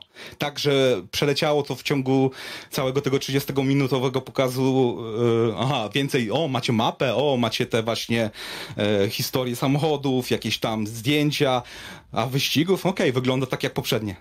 To samo. A czy, no to jest, ale to jest problem, mój drogi, serii jako taki, bo e, Gran Turismo, e, jeżeli chodzi o warstwę graficzną, wizualną, interfejsową, to ono się aż tak bardzo nie zmienia od czasu Gran Turismo 4. O, to był pik no. serii tak naprawdę. I każda kolejna część wygląda jak kopiuj wklej, tylko że z lekko wyższej tekst y, rozdzielczości, nie? Więc wiesz, mnie to trochę nie dziwi, że na przykład, okej, okay, samochody wyglądają pięknie, ale otoczenie, mimo że powraca wiele kultowych tras, wyglądają, kurde, jak RSPS 3. To trochę, trochę jest bieda. Mam wrażenie, że cię co... pamięć bardzo y, tutaj bardzo. I, i wspomnienia. I widać, że nie grałeś zbyt wiele innych e, simcade'ów czy jakichkolwiek symulatorów, bo akurat otoczenie nigdy nie jest zbyt e, pełne Istotne. detali. No, Niezależnie no, czy grasz no, w Forza ja Motorsport, czy w Project Cars, czy w Assetto Corsa, ładnie wygląda to, co jest ładnie wygląda to, co jest na trasie. A drzewa, czy cokolwiek, co jest w tle, to mijasz z prędkością 100-200 km na godzinę. Nie, no tylko powiedzmy, że można na to no, widzisz to najwyżej oko, nie? ale Więc... faktycznie ja na przykład uważam, że sama prezentacja mimo że faktycznie, jak się samo tam śledziło pojedyncze elementy, faktycznie to fajnie wygląda, ale sposób prezentacji był tak nudny, w sensie, to, to jest głównie zasługa tego lektora, który brzmi jak syntezator mowy i tak odzywa się co dwie sekundy i to naprawdę, jak ja jestem gdzieś tam fanem Gran Turismo, to chyba jest jedyna seria samochodowa, którą lubię sobie odpalić raz w roku, bo nie jestem fanem wyścigówek, więc wracam do nich raz w roku, więc to jest jedyna gra, gdzie ja faktycznie wsiadam i się bawię w tym dobrze, więc mówię, ja wiem, że na pewno Gran Turismo 7 u mnie wleci na premierę, nawet możliwe, że w tej wersji jubileuszowej, ale faktem jest, że to jest wynik z tego, że ja jestem fanem od dziecka, a nie tego, że prezentacja mnie do tego przekonała. E, mówię, element, elementy, mówię, najbardziej, to co mnie prezentacja właśnie najbardziej kupiła, to właśnie okej, okay, historia y, motoryzacji, to jest, będzie fajne i ma bardzo duży potencjał edukacyjny moim zdaniem. E, tak jak mm, Assassin's Creed ostatnie, e, no i ten e, tryb muzyczny, ale faktycznie cała reszta, i mi na przykład zabrakło to, co jest bardzo popularne w serii, czyli takiego jakiegoś e, krótkiego chociaż gameplayu z poziomu trzeciej kamery, nie? Czyli nie w kokpicie, tylko jak widzisz ten swój samochód. Tego faktycznie nie było na tej prezentacji i to może trochę budzić moje obawy, nie? Że... Dlaczego? Zawsze można to przełączyć. To jest, oni tak, reklamowali... ale to... wiesz, oni powie... dotychczas to pokazywali na zwiastunach, na gameplayach, a teraz nic praktycznie nie było, ale, nie? słuchaj, bo to jest jeden, to jest najbardziej symulacyjna z części Gran Turismo, jaka powstała do tej pory. Masz symulację nie tylko powietrza, który owiewa auto, masz y, deformację opon, y, masz możliwość, tutaj oglądałem nawet przed naszym podcastem analizę robione przez y, strony i serwisy, które zajmują się motoryzacją. Okay. Można będzie podmieniać silniki, i w chwili obecnej są założenia, że będzie można podmieniać silniki nie tak jak w Forcy chyba Horizon, że dowolny silnik do dowolnego auta, tak przynajmniej powiedzieli tam mm -hmm. w tym, w tym materiale, który oglądałem, ale będzie można wsadzać tylko silniki, które faktycznie zmieściłyby się do auta. Czyli nie Logiczne. No. Ja e, widziałem. Ja tam widziałem, że będzie można jeszcze ten, um, te bebechy kolorować, nie wiem, że tam nie będziesz miał silnik czerwony, nie? Tak, no na przykład. No, okay. no, to, jest to, to, to, już jest wyższy level customizacji jak dla mnie, to już jest level hard kostumizacja jest naprawdę ciekawa, ale to nadal nie robi z tych wyścigów. No nie, może tu kwestia oglądania, bo jak się gra, to pewnie jest, skupiasz się na wyścigu i tutaj o wiele bardziej no. nie, może nie zwracasz na to uwagę, jak się, e, co się dzieje wokół, e, poza trasą, ale nadal to wygląda bardzo sterylnie. No popatrzcie sobie na ostatnie wyścigi, nie wiem, nawet te dirty e, słabiutki piątka, to tam przy końcu wyścigu jakieś fajerwerki, konfetti, podczas mm dzień, noc e, wyścigowe, to lasery jakieś e, są wystrzeliwane. I takie rzeczy na, na prawdziwych e, nocne wyścigi, jak się ten, to w tle są jakieś albo zmiany, akurat to było ładne, zmiany, zmiany pogody, znaczy nie, zmiany nieba mi się podobały, to akurat ładnie wyglądało, ta e, droga mleczna, ale znowu zmiany pogody, ne, takie same moim zdaniem, znowu Słuchaj, zmiany masz pory gwiazdy, dnia, masz gwiazdy y, adekwatne do lokalizacji, w której się ściga ścigasz do pory roku, w której się znajdujesz. E, deszcz jest, jest symulowany na podstawie. Cool, to mi się podobało. Deszcz jest symulowany na podstawie e, zmian temperatury i ruchu wiatru w regionie, w którym znajdują się tory. E, woda faktycznie ma się, ma się zbierać i odparowywać z, różną tem, z różnym tempem w zależności od tego, na jakiej części toru się znajduje, co było widać nawet w trailerze, gdzie po deszczu woda szybciej odparowała w miejscu, gdzie samochody jeździły po zakręcie, bo tam była taka szykana, niż y, po bokach. I jeżeli to, bo są, są gry, w których to jest y, w taki flair wizualny, bo coś takiego było mhm. w Driving Club GT, coś takiego znajduje się w wielu tytułach, ale jeśli to jest faktycznie symulowane w tym tytule, tak? Czyli, że ta woda faktycznie jest odparowywana tu, bo tu jeżdżą auta i tu jest jej mniej. Albo, że ta chmura się formuje w taki sposób na podstawie danych meteorologicznych z tego regionu i tak dalej. To to jest niesamowicie imponujące. I, I wtedy mówi... E, ten no. tryb Always On ma wtedy sens, nie? E, no tak, Always Online always... jest tylko po to podobno, żeby nie można było cheatować i e, na, kas na kasę po prostu, żeby nie można było generować kasy i robić innych cheatów. Więc tu chodzi o weryfikację raczej save'u. E, więc jest masę elementów, które tutaj pozwalają tej grze jako jednej z niewielu tytułów symulacyjnych bo mówimy o tytule symulacyjnym. Są różne opcje w Gran Turismo, można dostosować tą grę do naprawdę szerokiego grona umiejętności i predyspozycji, ale celem tej gry nie jest spektakularność y, laserów czy konfetti na końcu. Celem tej gry jest adekwatne oddanie zachowania samochodów i Gran Turismo jest jednym z niewielu tytułów, gdzie profesjonalni kierowcy, ścigając się y, samochodami na faktycznych torach i w Gran Turismo, osiągają te same wyniki. I to jest, przy, to jest y, przy, jakby przywiązanie do detalu, które nie, nie znajduje się w zbyt wielu grach.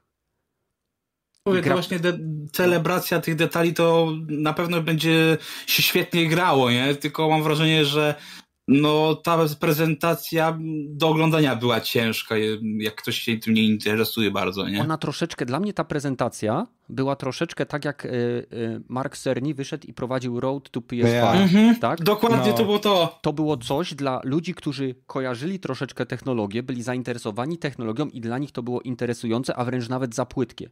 Podczas gdy ta prezentacja Gran Turismo dla mnie była właśnie takim y, pokazem tego, że ok, idziemy w symulację, Chodzi nam o to, żeby samochody były odzorowane tak, srak, y, żeby wszystko to było jak najlepiej, jak najbardziej realistycznie, żebyście siedząc w tym samochodzie, y, jadąc po Nürburgring czy jakimś innym ja tylko Nürburgring pamiętam, więc to jest jeden z tytułów.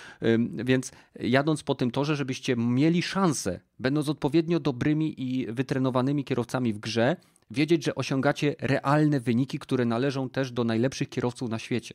Zresztą nie bez powodu chyba w Gran Turismo Sport gracze mogli sobie nawet stworzyć cyfrową licencję wyścigową, która musiała być też opłacana i pozwalała na udział w, w jakichś faktycznych wyścigach. Nie pamiętam, ale to mm. było jakieś złożone proces, ale, ale, można było, było sobie na, w grze wyrobić faktyczną kuźwa licencję, którą później trzeba było I niektórzy na tej potem bazie robili nawet, wiesz, e, prawko jazdy, nie? Później dzięki temu. No tak, i GT to... Sport było też sportem. Tak, właśnie GT Sport było bardzo taką e, grą, która potrafi, mimo że ona była nastawiona bardzo na e-sport, to potrafiła tak cię trochę nauczyć takiej prawdziwej jazdy, nie? To, to, to trzeba oddać, nie? Więc to gdzieś tam mówię, no, no jest potencjał, mówię, na pewno GTA, znaczy GTA, Gran Turismo 7 będzie taką, mówię, celebracją miłości do motoryzacji, ale też i miłości do tej serii, bo ja, ja już tu widzę, że to jest e, gra, która właśnie ma się nie ścigać y, o tym, co jest najładniejsze, naj, tam bardziej ekstra wystrzałowe, tylko jest właśnie z miłością do fanów. To jest taki list miłosny, którzy są y, od tych 25 lat y, z serią i, i to po prostu to widać, słychać i czuć, nie? I mówię, ja tutaj myślę, że na pewno trochę spędzę tych te godzin, chociaż nawet te licencje, e, które no, obrosły kultem w serii też mają być trochę ma być ich więcej, ale mają być też ciut łatwiejsze. Jestem bardzo ciekaw, jak to wyjdzie w Prime, nie? Mhm. No i co jeszcze mhm. ciekawego? Zauważyliście coś, co wam się nie podobało? Bo mi się bardzo nie podobało odbicia w masce. Nie, to mi tylko właśnie bardziej ta jakość terenu yy, że mówię, te gdzieś tam roślinności były takie, no jakbyś po prostu nałożył e, teksturę kolorową, a nie, że to jest faktyczna trawa, czy tam te drzewa, tak nie, ale to jest, to jest jedyny detal, nie, ale podczas jazdy się nie będzie na to patrzeć, nie, tak naprawdę, nie, bo nie patrzysz na, na bokach, o ile, nie wiem, nie, nie najedzie ci gość, żeby cię zepnąć z toru, tak to. Mhm mi przeszkadza, że w dalszym ciągu utrzymali e, split screen, tak jak, jaki był w Gran Turismo Sport. A który co jest, jest tym złego? Jest split screenem pionowym, w związku z czym spora część, pionowym i to nie wykorzystującym całej przestrzeni ekranu, e, w związku z czym e, obszar, na którym jest wyświetlany część, na którym jest wyświetlana część ekranu, na, na którą ma patrzeć jeden z graczy, jest mikroskopijna, Tuż obok niej jest kolejna mikroskopijna sfera, na którą ma patrzeć drugi gracz. No i u góry i na dole są czarne pasy. Co jest według mnie kompletnym marnotrawstwem e, miejsca, jaki jest na ekranie. W sensie po prostu powinni zrobić podział e, poziomy, tak jest, jaki jest w każdej wyścigówce. Czytaj, ty masz górną część ekranu, ja mam dolną część ekranu i no, cały obszar ekranu jest na nim wyświetlona zawartość gry, tak? Tak, i bądźmy szczerzy, UI można nałożyć na grę. Tak, dokładnie. E, druga rzecz to jest to, że w trybie split screen można się ścigać tylko z drugą osobą. Nie ma sztucznej inteligencji, więc tak naprawdę ścigacie się w dwie osoby. Jeśli ktoś jest lepszy, no to e, sorry, ale po prostu przez cały wyścig będziesz patrzył na e, tył swojego przeciwnika, tak? Więc to jest kompletnie idiotyczne i niestety, ale chyba zarówno w Gran Turismo, jak i w Fordzie jest tak aktualnie i to jest według mnie tragizm, tragizm powinna być możliwość ścigania się ze swoim znajomym na kanapie, ale też e, z sztuczną inteligencją, żeby były jakiekolwiek emocje, a nie, że jedna osoba, która ma wyższy poziom umiejętności, wyprzedzi tą drugą, no i później się już nie będą musiały w ogóle, e, już nie będą się widzieli na torze, no bo jeden będzie po drugiej stronie toru, drugi będzie po drugiej stronie toru i tyle. Wiesz co, tak, tak sobie myślę, Kiwaku, że w ogóle mogliby zrobić ten split screen, nawet, nawet nadal, żeby te wszystkie elementy były na czarnym pasku, ale niech ten pasek będzie na przykład zupełnie z prawej strony, taki wąski, nie? I wtedy masz większość ekranu dostępną nadal dla gry, a to oni faktycznie robią z tego tak, jakbyś sobie puścił e, picture in picture na YouTube na jakimś smart TV. No dokładnie, dokładnie. To tak jakbyś zminimalizował sobie e, filmik na YouTubie i oglądał go w oknie. No to kompletnie bez sensu. Więc to jest aspekt, który mnie rozczarował najbardziej, bo cała reszta wygląda, e, wygląda świetnie. I nie mogę się doczekać, bo to wygląda jak połączenie wszystkiego, co było najlepsze e, w Gran Turismo 4 e, i 5 mhm. wraz z Gran Turismo Sport. Może będzie jakaś konfiguracja, no mów. Nie zauważyłem tam. Jest jakiś, e, jakieś zniszczenia są, czy, czy nie? W symulatorach praktycznie nigdy nie ma zniszczeń, więc e, nie liczyłbym. F1 jest symulatorem i są zniszczenia. Możesz mieć całkowity rozwalony samochodu bolidu. Czy w F1 masz 400, czy ile tam różnych rodzajów samochodów, z których musisz się przepychać z właścicielami o to, czy mogą nie wiem, ale w Fordzie też są chyba zniszczenia i tam W Fordzie są minimalne. W Fordzie są minimalne. W Turismo są minimalne. Horizon, bo to są dwie różne rzeczy. Właśnie. W obydwu są jakieś. Jednym jest kosmetyczne, a w drugim są fizyczne. W Motorsport są minimalne. W Gran Turismo też są minimalne. W Project Cars były takie całkiem ok, ale to też nie jest nic wielkiego. W sensie, jeśli ktoś... chyba ma też zniszczenia takie, że możesz e, skasować samochód, jak przypierdolisz. Nie przypominam sobie. Ktoś na czacie może potwierdzić, czy w Assetto znaczy... Corsa są jakieś poważniejsze zniszczenia, ale nie wydaje mi się. Są zniszczenia, są uszkodzenia, ale nie wizualne, tak rozbudowane. Mm, okay. To jest na takiej zasadzie, że możesz uszkodzić silnik, możesz uszkodzić, e, nie wiem, koło, możesz uszkodzić, nie wiem, układ kierowniczy, czy jakieś inne rzeczy, ale to nie jest e, wizualna reprezentacja to jest dodanie modyfikatora mm. do symulacji. I tak jest w większości symulacji, że na, nawet z tego co pamiętam, wprowadzili jakieś uszkodzenia. Nie wiem, czy to było w Gran Turismo 4 czy sporcie, ale to też było na takiej zasadzie, że to jest niewielka geometryczna deformacja na wybranych samochodach, bo oni to muszą, yy, to nie jest symulowane. Bo przy prędkościach, których się tam to odbywa, jeżeli grałbyś na pełnej symulacji, no to jak ktoś grał w Assetto Corsa, no to mniej więcej wie, jak to wygląda. No, wystarczy jeden błąd i masz koniec wyścigu. No, jak to w symulatorach. No.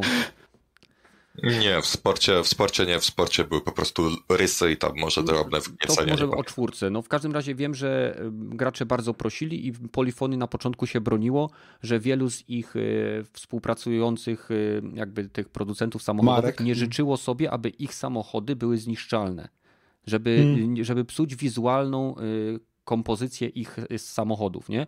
I później oni doszli do porozumienia i te, zniszczenia były na niektórych samochodach widoczne, na niektórych nie. Ja nie wiem, czy oni z tego zrezygnowali ze względu na komplikacje z dogadaniem się z taką ilością firm, czy z jakiegoś innego powodu, no ale w Gran Turismo nigdy zniszczenia nie były. Ja pamiętam jedynka, dwójka i trójka, to jak był zakręt, gdzie miałeś bandę blisko, to yy, wiesz, jak ty to mówiłeś, że yy, racing is yy, coś tam? Rubbing is racing. No, no to to był taki rubbing po bandzie na zakręcie z pełną prędkością, nie? I, i później wprowadzili, Samochód. że jak wyjeżdżałeś za długo, y, za, długo, za bardzo na jakby ten, na green, no to dostałeś y, ten karę i cię zwalniało. Karę czasową. Mm. No.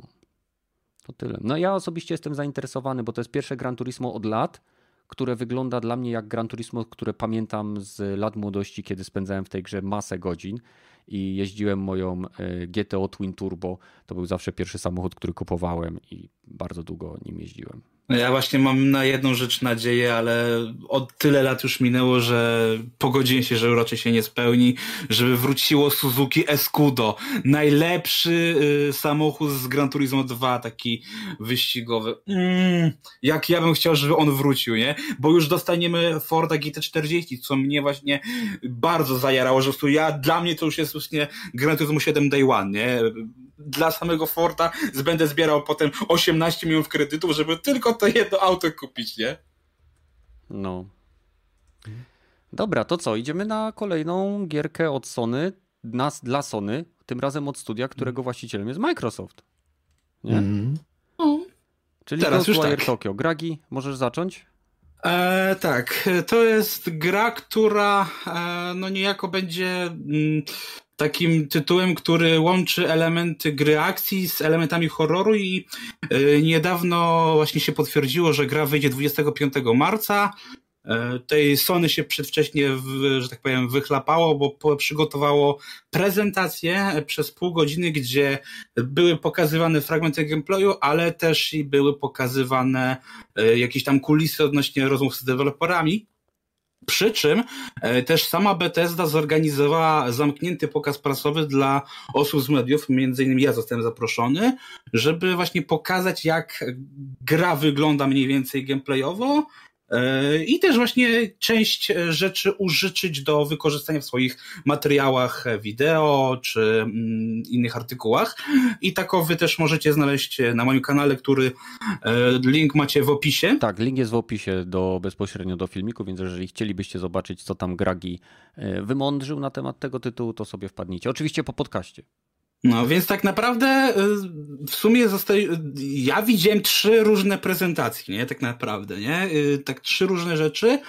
E, no i tak naprawdę w tym e, materiale, który Sony przygotowało z tego, co widziałem, a ja sobie jeszcze musiałem to, że tak powiem, dwa, trzy razy na spokojnie obejrzeć, to tam naprawdę mm, tego gameplayu nie było aż tak dużo, było więcej właśnie rozmów z deweloperami, czyli właśnie tam mówili, czym się inspirowali, czym, e, czy będzie mniej więcej, jak to będzie wykorzystane z tym 3D e, audio, jakie ten tam mają mieć feature'y, bo tak naprawdę z samego gameplayu nadal nie, nie pokazali, tylko pokazali scenę walki, bo tak naprawdę na tym się najbardziej skupili.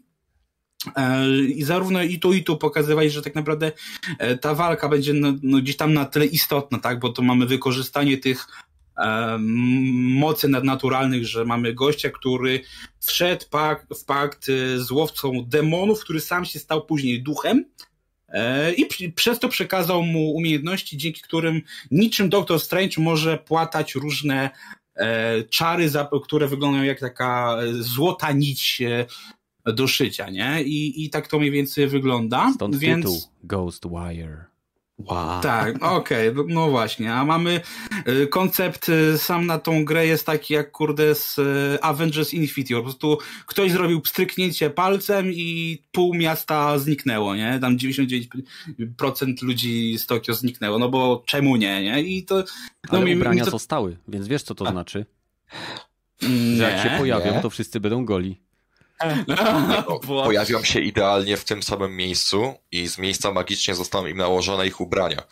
No, przy czym, co jest świetne i tego właśnie nie pokazali na, czy tam pokazali troszkę, nie, ale nie jakoś tak, tak tego mocniej, e, bo te osoby, które znikną z tego świata, tak to nazwijmy, one dalej będą, tylko że będą jako w formie duchów, e, które trzeba będzie złapać, w takie specjalne papierowe laleczki japońskie Katoshiro, e, które będzie można jeszcze sobie kupić w sklepach zarządzane przez koty yokai, e, czyli duchy takie złe, ale tutaj je zrobili jako koty. Ja nie jestem za tą japońskiej kultury, także polecam sobie googlować w tej chwili. E, I je trzeba zanieść tak jak do Jakuzy, jak macie w Jakuzie e, save w budkach telefonicznych, tak tutaj e, zabieracie tą duszyczkę w papierowej lalce, wkładacie ją do budki telefonicznej, kładziecie ją na tarczy z telefonem i w ten sposób ta osoba wraca do życia, do ludzkiej postaci poza tam granicami miasta, czy jakoś tak. To, to, to już trochę dla mnie zawiłe, więc tak to mówię. Wygląda, że to jest niby że tam ma te elementy horroru, ale właśnie sami twórcy mówią, że tak naprawdę tego horroru i tego jest niewiele i faktycznie to, co jest horrorowe, no to właśnie sam klimat tego, że mamy postacie jak z The Ring, e, jak gdzieś tam z Slendermana, tak gość jeden wygląda. Mamy też gościa, który może być właśnie biznesmenem bez głowy, ale ma na przykład podarty mm, parasol, bo to, co jest ważne, jak będziecie mieli e, obrażenia odnosić, to nie dostaniecie ich w formie tradycyjnych tam informacji, że masz 70% zdrowia, tylko że ci się pokazuje poprzez e, wygląd zjaw, czyli na przykład jeżeli tam będziesz miał już końcówkę życia, to nagle postać, e, z którą walczysz zrobi się tam czerwona, wokół niej będzie taka aura, albo będzie miała podarty parasol, nie? E, więc to, to mówię, to jest takie bardzo japońskie, tak jak w Ghost of Tsushima zachwycaliśmy się tym, że mamy kierunek wiatru, który nas prowadzi, tak tutaj e, sam system zdrowia jest tak fajnie opracowany.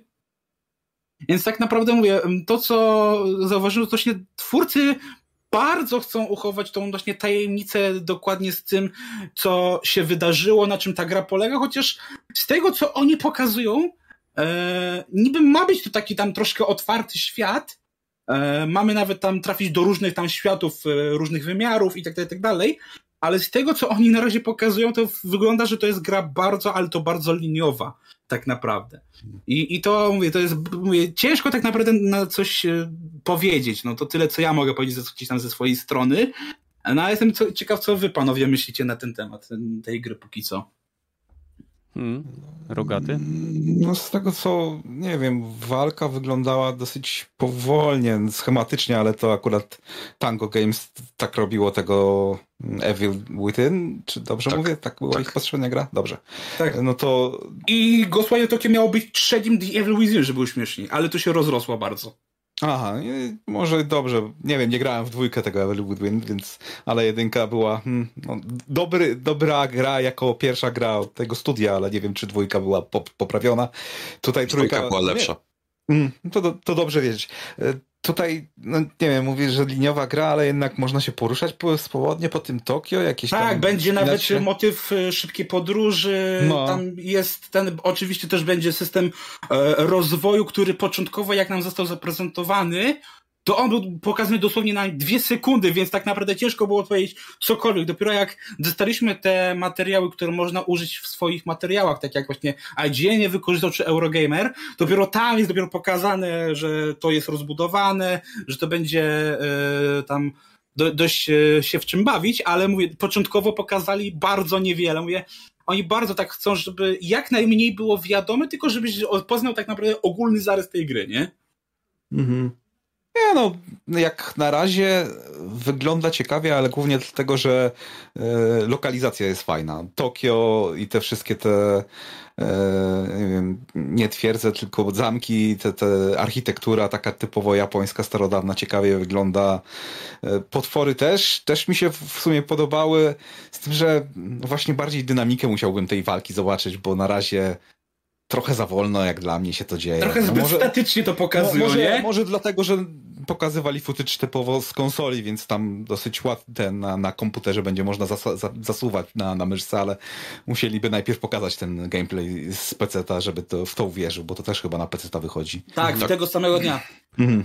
E, tutaj jeśli chodzi o gameplay, to nie spodziewałbym się nie wiadomo jakiej dynamiki, bo jednak e, główny bohater musi wykonać pewne znaki, aby wykonać czar, czy to będzie wiatr, ogień, czy woda, czy co tam jeszcze będzie mógł się po, po, czym będzie mógł się posługiwać, ale są, jest tutaj też w tej grze też yy, skradanie, czyli jest stealth i niektóre obszary ze względu na wykorzystanie teno, nie teno, tęgu, tęgu, duchów tęgu, które gdzieś tam się unoszą w powietrzu, można po prostu się za pomocą tej nici przyciągnąć, na przykład dostać na dach lub wejść inną stroną e, w jakiś tam obszar i, i można tam różne rzeczy robić. Kiwaku, jak, jak ty widzisz ten tytuł? Mi się strasznie podobają animacje dłoni głównego bohatera, które mm. są wykorzystywane podczas walki. I bardzo śmieszą doktorem Strange'em, nie? Cholernie plastycznie to wygląda, to jest tak płynne, takie... To jak to przechodzi z jednej animacji w drugą jest niesamowicie satysfakcjonujące. A druga kwestia jest taka, że podoba mi się jeszcze bardziej klimat tej gry, właśnie stworzone przez lokalizację, jaką jest Tokio, ale też te wszystkie potwory, poniekąd wzorowane, jak Gragi wspomniał, na, na ringu, tak? I no ogólnie tam klasyka japońskich... japońskich horrorów po prostu. Dokładnie, nie? dokładnie tak. Czy tam Slendermanie, czy innych creepypastach, wiadomo. Um, I przede wszystkim to, jak bardzo tajemniczy i dziwny jest ten tytuł.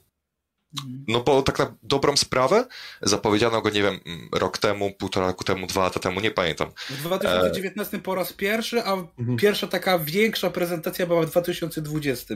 No to jak tak była prezentacja sprawę... Playaka piątki. No to na dobrą sprawę dwa lata temu, tak? E... I dopiero od niedawna wiemy, że ta gra ma mieć jakieś elementy otwartego świata. Dosłownie od kilku dni, więc to jest właśnie niesamowite, że tyle rzeczy przetrzymali jako tajemnicę i że e, tak naprawdę nie można w 100% określić tej gry gatunkowo. E, mi się to podoba, bo ostatni raz takie poczucie miałem przy okazji Death Stranding. A reklamują to jako action adventure, tylko że z pierwszej osoby, nie? No i to też mi się podoba, bo tego typu gier nie ma za wiele. Jeśli mamy jakąś pierwszoosobową gierkę, no to z reguły jest to e, albo RPG, w stylu The Elder Scrolls, Fallouta i tak dalej, i tak dalej, albo jest to pierwsza osobowa strzelanka typu Call of Duty e, czy Battlefield, tak? Mm. E, więc fajne jest to, że chcą wykreować coś ciekawego właśnie z perspektywy pierwszej osoby i zatrzymują sporo elementów dla siebie, przez co będzie można ten tytuł odkrywać e, samemu, kiedy się już w niego zagra, a nie, że marketing zdradził wszystko, tak jak było, nie wiem, w przypadku e, cholernie mocno reklamowanego Deflupa na przykład, tak? Mm, ale wiesz co, mam, mam takie wrażenie, że e, z Ghostwire może być trochę jak z Cyberpunkiem, to znaczy, już od razu mówię, nie chodzi mi o wykonanie techniczne, tylko mam wrażenie, że z Ghostwire będzie taki problem jak z Cyberem, czyli gameplay nie będzie jakoś specjalnie oryginalny, specjalnie wyszukany, bo tak jak mówię, dla mnie Ghostwire wygląda jak zlepek Infamousa Second Sun, e, Yakuzy, Fatal Frame'a, e, no to... gdzieś tam jeszcze inne takich rzeczy, e, tylko ten klimat, ten klimat taki trochę cyberpunkowy, no nowy, jest tym takim, no jeszcze połączeniem z tym horrorem, jest właśnie tym, co ci najbardziej przyciąga, ale gameplayowo jak się na to patrzy, mówię, dopóki ja tego nie znam, to trudno powiedzieć, ale na razie to ja to widzę, że to jest takie bardzo, no, typowe gra akcji, nie? Tylko, że w otwartym świecie. Mnie, mhm. Ubi Game, tylko że tak trochę bardziej namrocznie, na poważnie, na dziwacznie po japońsku, nie? Tak... Mm, nie rozumiem troszeczkę twojego podejścia, bo z jednej strony mówisz, że to wygląda bardzo typowo, a z drugiej strony mówisz, że to takie połączenie Infamousa, Second Sun, Fatal Frame'a i tak dalej, i tak dalej, czyli ogólnie połączenie, którego jeszcze nikt nie zrobił. Tak, ale chodzi, że wiesz, że sam ten gameplay tak wygląda, no, no co, bierzesz gościa i, i naparzasz we wrogów, potem idziesz do otwartych światów i chodzi, że wiesz, tam gameplay widać, te, że to nie jest nic odkrywczego, tylko że złożyli to do takiej kupy, która może stanowić oryginalną, unikalną mieszankę, ale jak rozłoży to na części pierwsze, no to, to już mamy rzeczy, które już gdzieś kiedyś ktoś widział, nie?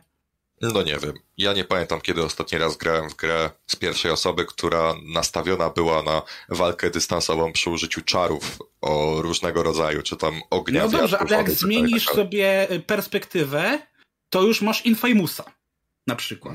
No, poniekąd tak, ale no od ostatniego Infamousa minęło już 8 lat chyba. Nie, czekaj, no, w 2014 wyszedł. No 14, to, tak. No, no, no to już minęło naprawdę sporo czasu od ostatniego Infamousa, więc ja bym nie pogardził, gdyby wyszedł teraz pierwszoosobowy Infamous, tak? No. no. Hmm. Mi się podoba. Ja tak. Jak stanieje i jak będę miał PS5, tak. Jak okay. wejdzie do Game Passa? Czyli za rok. W ogóle co jeszcze tutaj chcę dodać, bo jak powiedziałeś, to mi się od razu przypomniało, że tutaj warto będzie zastanowić się nad wersją Deluxe, ponieważ osoby, które zakupią cyfrową wersję Deluxe, dostaną dostęp do gry 3 dni wcześniej. Więc jest, no, ja się sens. zastanawiam na tym mocno. Po co? Po co? To, to, to, po co płacić więcej za możliwość zagrania w grę, która nie została jeszcze zrecenzowana, więc tak naprawdę nie możesz mieć pewności, czy jest. W sumie to też nie jest gra online, czyli tutaj faktycznie można poczekać, bo to jest no. typowy singiel, nie? Każda, każda gra, o ile nie jesteś mega fanem, jeżeli zagrasz nią trzy dni później, to się nic nie stanie. To jest typowy. No wykorzystywanie fear of missing out, FOMO graczy, czyli bycia wykluczonym lub niedoświadczenia czegoś, co może być wcześniej, nie zdobycia czegoś, co, mo co można... No e, ja no. jestem tego akurat na to do, dłuższego czasu mam, chyba od zawsze na to cierpię, także wiesz, to jest mi znajomy, tak? Ja nie, nie umiem inaczej myśleć, że ja muszę coś mieć jak, póki mogę to jak najwcześniej, jak więc, no... No, ja uważam, że dopłacanie za to, żeby dostać 3 dni wcześniej, to, to jest dosłownie ile? 72 godziny, z czego jedną trzecią tego prześpisz. Tak? To, to, jest, to jest po prostu bez sensu. No, gdyby ta wersja deluxe, nie wiem, zawierała Season Passa, gdyby do tej gry mieli wypuścić jakieś dodatki i tak dalej, i tak mhm. dalej, to bym zrozumiał.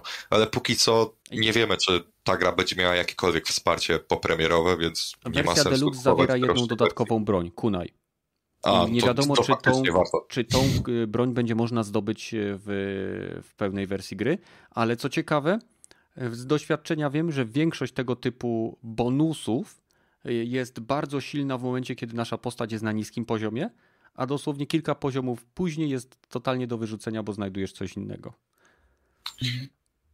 Czy nie jestem ten... pewien, czy w tej grze będzie jakiś lód, jest, żeby... Są bronie. Jest? Są, są bronie. bronie. Są, jest tak, ale bronie jakby e, stanowią bardziej dodatek, w sensie na przykład będziesz miał łuk, ale nie będziesz mógł z niego korzystać w nieskończoność. E, no tutaj ewidentnie... Masz. Tak, no i mówię, mi się wydaje, że tutaj bardziej oni się jednak opierają na tych mocach, bo to tak naprawdę są mocy żywiołów, tak? Bo tutaj będziemy tam wodę, ogień, wiatr i tak dalej, tak dalej. Nie? To wszystko e, będziemy przymieszać między sobą, przełączyć się zależnie od typa przeciwnika i tak dalej, tak dalej. I mi się wydaje, że tutaj te bronie właśnie będą takim dodatkiem, nie wiem, jak ci się skończy yy, prze, yy, chwilowy, tam będziesz miał cooldown na przykład, nie? Że mi się wydaje, że to będzie bardziej yy, broń drugiego wyboru niż e, pierwszego. Chociaż trudno powiedzieć, bo na razie nie pokazali nic więcej tak naprawdę, czy to znajdzie jakieś większe zastosowanie, bo na razie cały czas się skupiają na, na tych czarach, nie? Nie do końca, no było też trochę tego gameplayu z łukiem i były też te papierki, które wywołują efekt elektryczny, ja nie wiem jak to się nazywa, ale mm. było, by, były sceny, w których bohater w, War, W Warhammerze nazywa się to pieczęcie, a tutaj to są to... chyba e, czarmy? No to niech będzie, że czarmy, no to rzuca czarmem o podłogę, no i to wywołuje taki efekt elektryczny na pewnym obszarze, więc e, fajnie to wygląda. W sensie mm. mi się podoba, tylko jedyny minus walki według mnie e, to póki co jest to, że ci słabsi przeciwnicy, nie, ci wzorowani na um, Slendermanie, po prostu wysocy z parasolkami i tak dalej, tak dalej, um, oni wydają się bardzo mało robić w czasie walki. W sensie mało było scen, w których oni realnie atakowali przeciwni naszego bohatera, w sensie mhm. e, przez większość czasu po prostu stoją i dostają na rej tymi pociskami, więc jestem ciekaw, jak oni to rozbudują w późniejszej części gry, kiedy będą jacyś trudniejsi przeciwnicy czy będą oni jakoś skracać dystans e, w stosunku do gracza, czy będą mieli oni jakieś ataki obszarowe, które my będziemy musieli z kolei unikać i tak dalej, i tak dalej. No, gra wygląda na pewno ciekawie. Tak jak wspomniałeś, animacja, e, skupili się na tym, co jest istotne z punktu widzenia pierwszej osoby, czyli ręce, które widzisz cały czas. I faktycznie te animacje, zwłaszcza w momencie, kiedy e, jest ten moment, kiedy wyrywa się, oni na to mówią core, czyli rdzenie tych duchów, kiedy on te, te złote nici zaczepia, jak tak, tak genialnie przekłada te ręce i je ciągnie tak. To jest...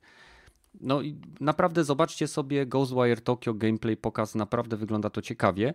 Nie mówię, że to jest gra, która nie wiem, zawojuje świat, ale wygląda interesująco. Jest to kolejny produkt z rąk japońskich deweloperów, który, który po prostu próbuje czegoś nowego, a to, to jest zawsze miłe.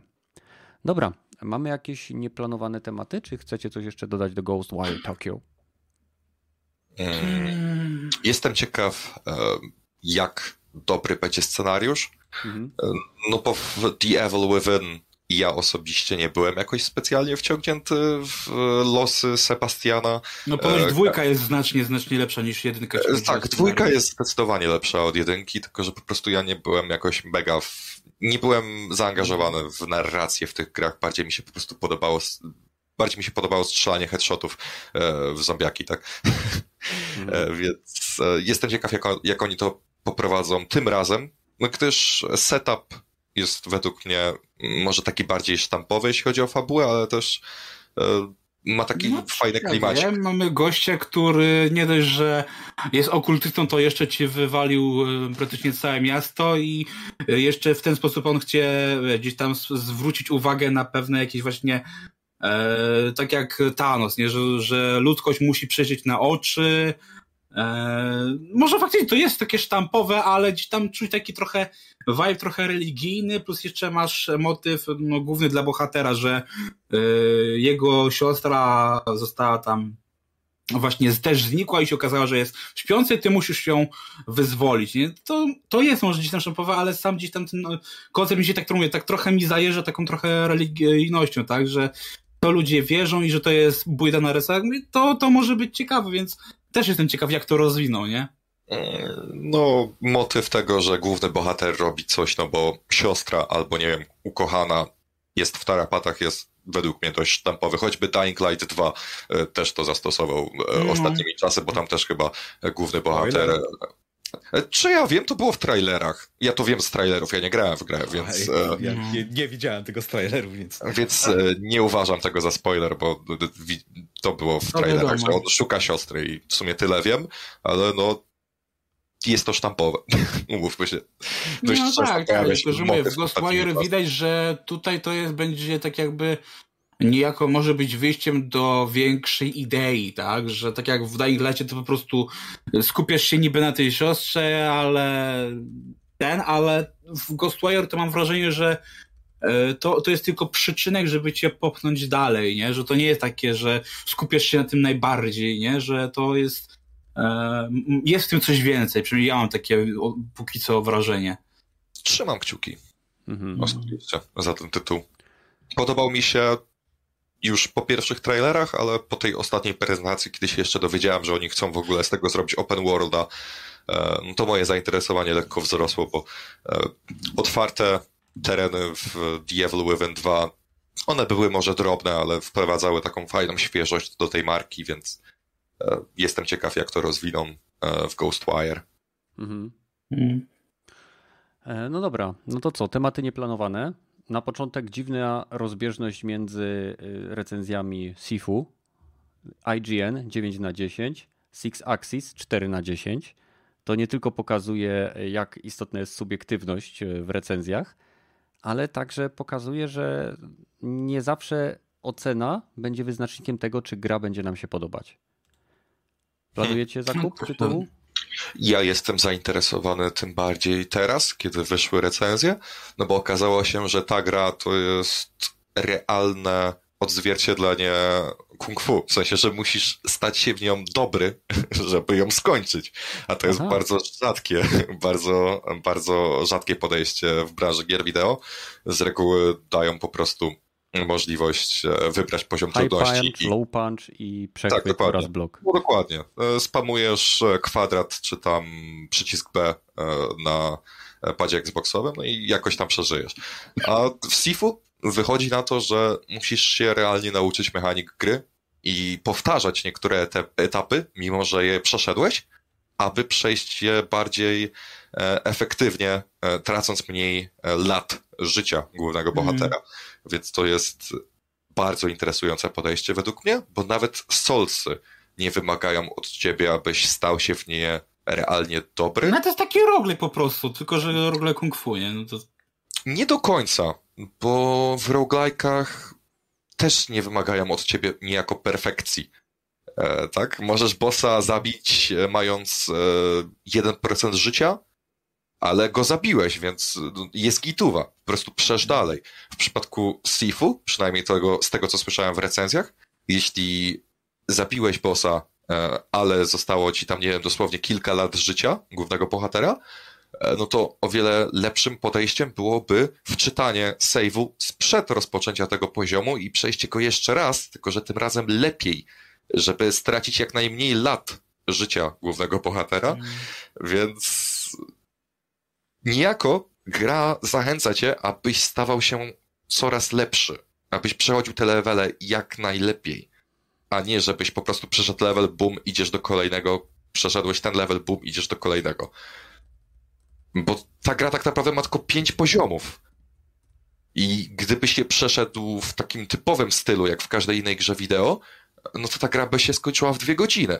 A ludzie w nią tak grają jak każdy właśnie 9-11 godzin, tak? Sztućni ci podbijają trudność, żebyś po prostu nie przeszedł tej gry za szybko. Nie powiedziałbym, że sztucznie. Sztucznie to y, Ubisoft obniżył ilość doświadczenia w Assassin's Creed Odyssey. Sztucznie to Bungie obniżyło ilość doświadczenia w Destiny, żeby gracze nie mogli sobie farmić y, zbyt szybko doświadczenia, kiedy Destiny 2 wyszło. Y, Albo w Avengers Crystal Dynamics tak. zmniejszyło właśnie ilość doświadczenia, którą zdobywasz, bo stwierdzili, że gracze zbyt szybko zdobywają poziomy doświadczenia. Tak, to jest sztucznie. E, dobrze zrobione roguelike'i czy dobrze zrobione gry mają stworzony poziom trudności w taki sposób, aby dostarczyć graczom, którzy są w stanie stawić im czoła, jak najwięcej satysfakcji z pokonania tego poziomu trudności. Ja to tak widzę. No. Ja mówię, ja może się tym tytułem zainteresuję tak, że tak powiem mocno, bo koncept mówię, jest tam, że tam pode mnie, bo kung fu i takim mamy tutaj gościa, któremu zabito rodzinę. Tak mówię, jak ktoś oglądał Wściekłe Pięści Brusali, no to to jest mniej więcej ten vibe i to mi się podoba bardzo, ale ja myślę, że sobie poczekam na premierę edycji pudełkowej, która ma być na wiosnę, więc jeżeli wyjdzie w pudełku, tam powiedzmy za dwa miesiące to i będzie to kosztowało jakieś tam sensowne pieniądze, to ja myślę, że gdzieś tam się tym zainteresuję tak bardziej, nie? Bo teraz to tak mówię, sprawdzę, ale jako, że nie jestem fanem roguelike'ów, to czy tego typu gier po prostu, no to mówię, podejrzewam, że to mówię, będę miał kiedyś tam, żeby sobie tak bardziej obadać, nie? W przypadku ale... wersji pudełkowej, no to ma chyba się tylko ukazać e, wersja deluxe, taka lepsza, tak jak było w przypadku Keny, że nie ma standardowej wersji pudełkowej. Nie, no ja wiem, ale wiesz, chodzi o to, żeby się po prostu ukazała po prostu, nie? A czy to jest będzie standard, czy deluxe, to, to dla mnie już nie ma znaczenia. No nie, po prostu podkreśliłeś, że żeby cena była sensowna, nie? to trzeba wziąć pod uwagę, że te wersje deluxe zawsze są kilka dych droższe, więc... Tak, ale wiesz, na przykład, zobacz, de, de, deluxe Keny kosztowało 169 zł, to, to mówię, to jest sensowna cena dla mnie, nie? W sensie, okej, okay, bez deluxe byłoby 129, ale mówię, jeszcze za 169 za deluxe jestem w stanie ci zapłacić bez, e, bez problemu, nie? Więc to mówię, wiesz, gdyby dali powiedzmy, mówię, no tam obecnie ta gra kosztuje 139 zł, tak? Na, na Epiku i tak dalej. E, więc jeżeli byłaby tam w deluxie pudełkowym, nie wiem, powiedzmy 239, to już bym powiedział, że sorry, ale nie. Ale jak będzie, powiedzmy, mówię, 169, 179, to dobra, nie ma problemu. No ja jeszcze muszę nadrobić Kena. Więc Sifu sobie poczeka, ale kiedyś... A ja właśnie niedawno skończyłem Kenę w ogóle, żeby śmiesznie, bo ja stanąłem w połowie gry. Hmm. Więc ja dopiero kilka dni temu skończyłem i kurde, o finalny boss trochę mi napsuł krwi. E, także finalna walka w Kenie była taka trochę no, Dark Soulsowa. No. Podobno, aby wbić platynę, trzeba przejść grę na najwyższym poziomie trudności. Tutaj mówię oczywiście o Kenie, nie o Sifu, bo w Sifu nie ma poziomów trudności. E, Póki co. Mam nadzieję, że jednak to zmienią, bo wiesz, jeżeli słyszysz, że faktycznie gra jest trudna, no to dlatego mówię, ja dlatego na razie się na tę grę nie porywam, ale bardzo się nią interesuję, nie? Nie wiem, czy byłby sens w tego typu grze wprowadzić poziom trudności, to, bo ta gra idzie krok dalej niż Dark Souls. Ona nie wymaga od ciebie tylko tego, abyś miał cierpliwość, ale wymaga też od ciebie tego, abyś stał się w nią dobry. Hmm. Więc gdyby wprowadzono easy mode, no to cała ta filozofia poszłaby przez okno, no i grę można byłoby przejść w dwie godziny i no, wątpię, abyś był zadowolony z tego typu doświadczenia, nie? że po prostu przeszedłeś sobie ładnie wyglądającą gierkę w dwie godziny e, i tyle. No. The Artful Escape jest bardzo prosty gameplayowo. Ale ograłeś to chyba za ile? No to w Game Passie, no to tak, no a teraz wyobraź sobie, że musisz za to zapłacić 139 e, zł, tak? Mm, 139 nie, ale tak jak 80 zł, tak jak teraz kosztuje na Playaku, to za tę grę 8 dych dałbym bez, bez żadnego problemu, nie? 4 godziny może trochę krótko, ale to jest taka gra, że wiesz, przejdziesz raz i czujesz właśnie, że jest, no, to niezła cena za, za taką grę, nie? Może ciut za wysoka, ale wiesz o co że czujesz tę satysfakcję, nie? Przynajmniej dla mnie. Hmm. No każdy ma hmm. różne oczekiwania co do tytułu, tak? Mm. E... No ja tego mówię, to jest Sifo, to jest gra, którą warto mieć się na oku moim zdaniem, nie? Jak ma wyjść pudełko, to ja na pewno będę szedł w pudełko, bo, bo lubię pudełka. No. ja też lubię pudełka. Ja tak samo. E, czy coś jeszcze ciekawego macie? No, no, o Dying Light myślę, myślę jeszcze porozmawiać, ale nie wiem, czy ktoś tak? w końcu grał, czy nie. Czy ktoś grał? Z nas nie, ty tylko grałeś. No, aha, ty grałeś. Czyli no ja jestem jedną osobą póki co, okej, okay, dobra. Nie, no, są inne osoby, tylko nie, nie znalazły dzisiaj czasu. W ogóle, ja wiem, ale że właśnie z tego grona. No, z tego grona tutaj obecnie jesteś tylko ty. Jeśli chcielibyście hmm. dołączyć do nas jako uczestnik podcastu lub po prostu pogadać z nami na tematy, o których tu rozmawiamy lub inne, link do naszego Discorda znajdziecie w opisie tutaj. E, o ile dobrze kojarzę, tam jest zaraz pierwszy z samej góry w opisie tego materiału i możecie się zgłosić jako po prostu osoba, tak jak Gragi, Kiwaku czy Rogaty się zgłosili i będziecie mogli porozmawiać z nami na tematy, które akurat w tym tygodniu będą nas interesowały, więc za zachęcam. E, oprócz tego pamiętajcie, że w opisie znajduje się też link do materiału Gragiego, e, który tam dotyczy właśnie Ghostwire Tokyo, tak? Dobrze, dobrze pamiętam? Tak. Dobrze pamiętam. No i link do podcastu giereczkowego, a więc y, wpadnijcie też tam do chłopaków. E, no i teraz Gragi, jak wygląda to Dying Light? Jak ci się grało? E, co, na czym grałeś? Na czym grałeś i jak to, jak gra ma się do poprzednich części i do tego, w jaki sposób była na początku promowana i czy coś kojarzysz może, jeżeli zauważyłeś, czy coś się zmieniło względem tego, czym gra miała być na początku, a czym jest teraz jako wydany tytuł?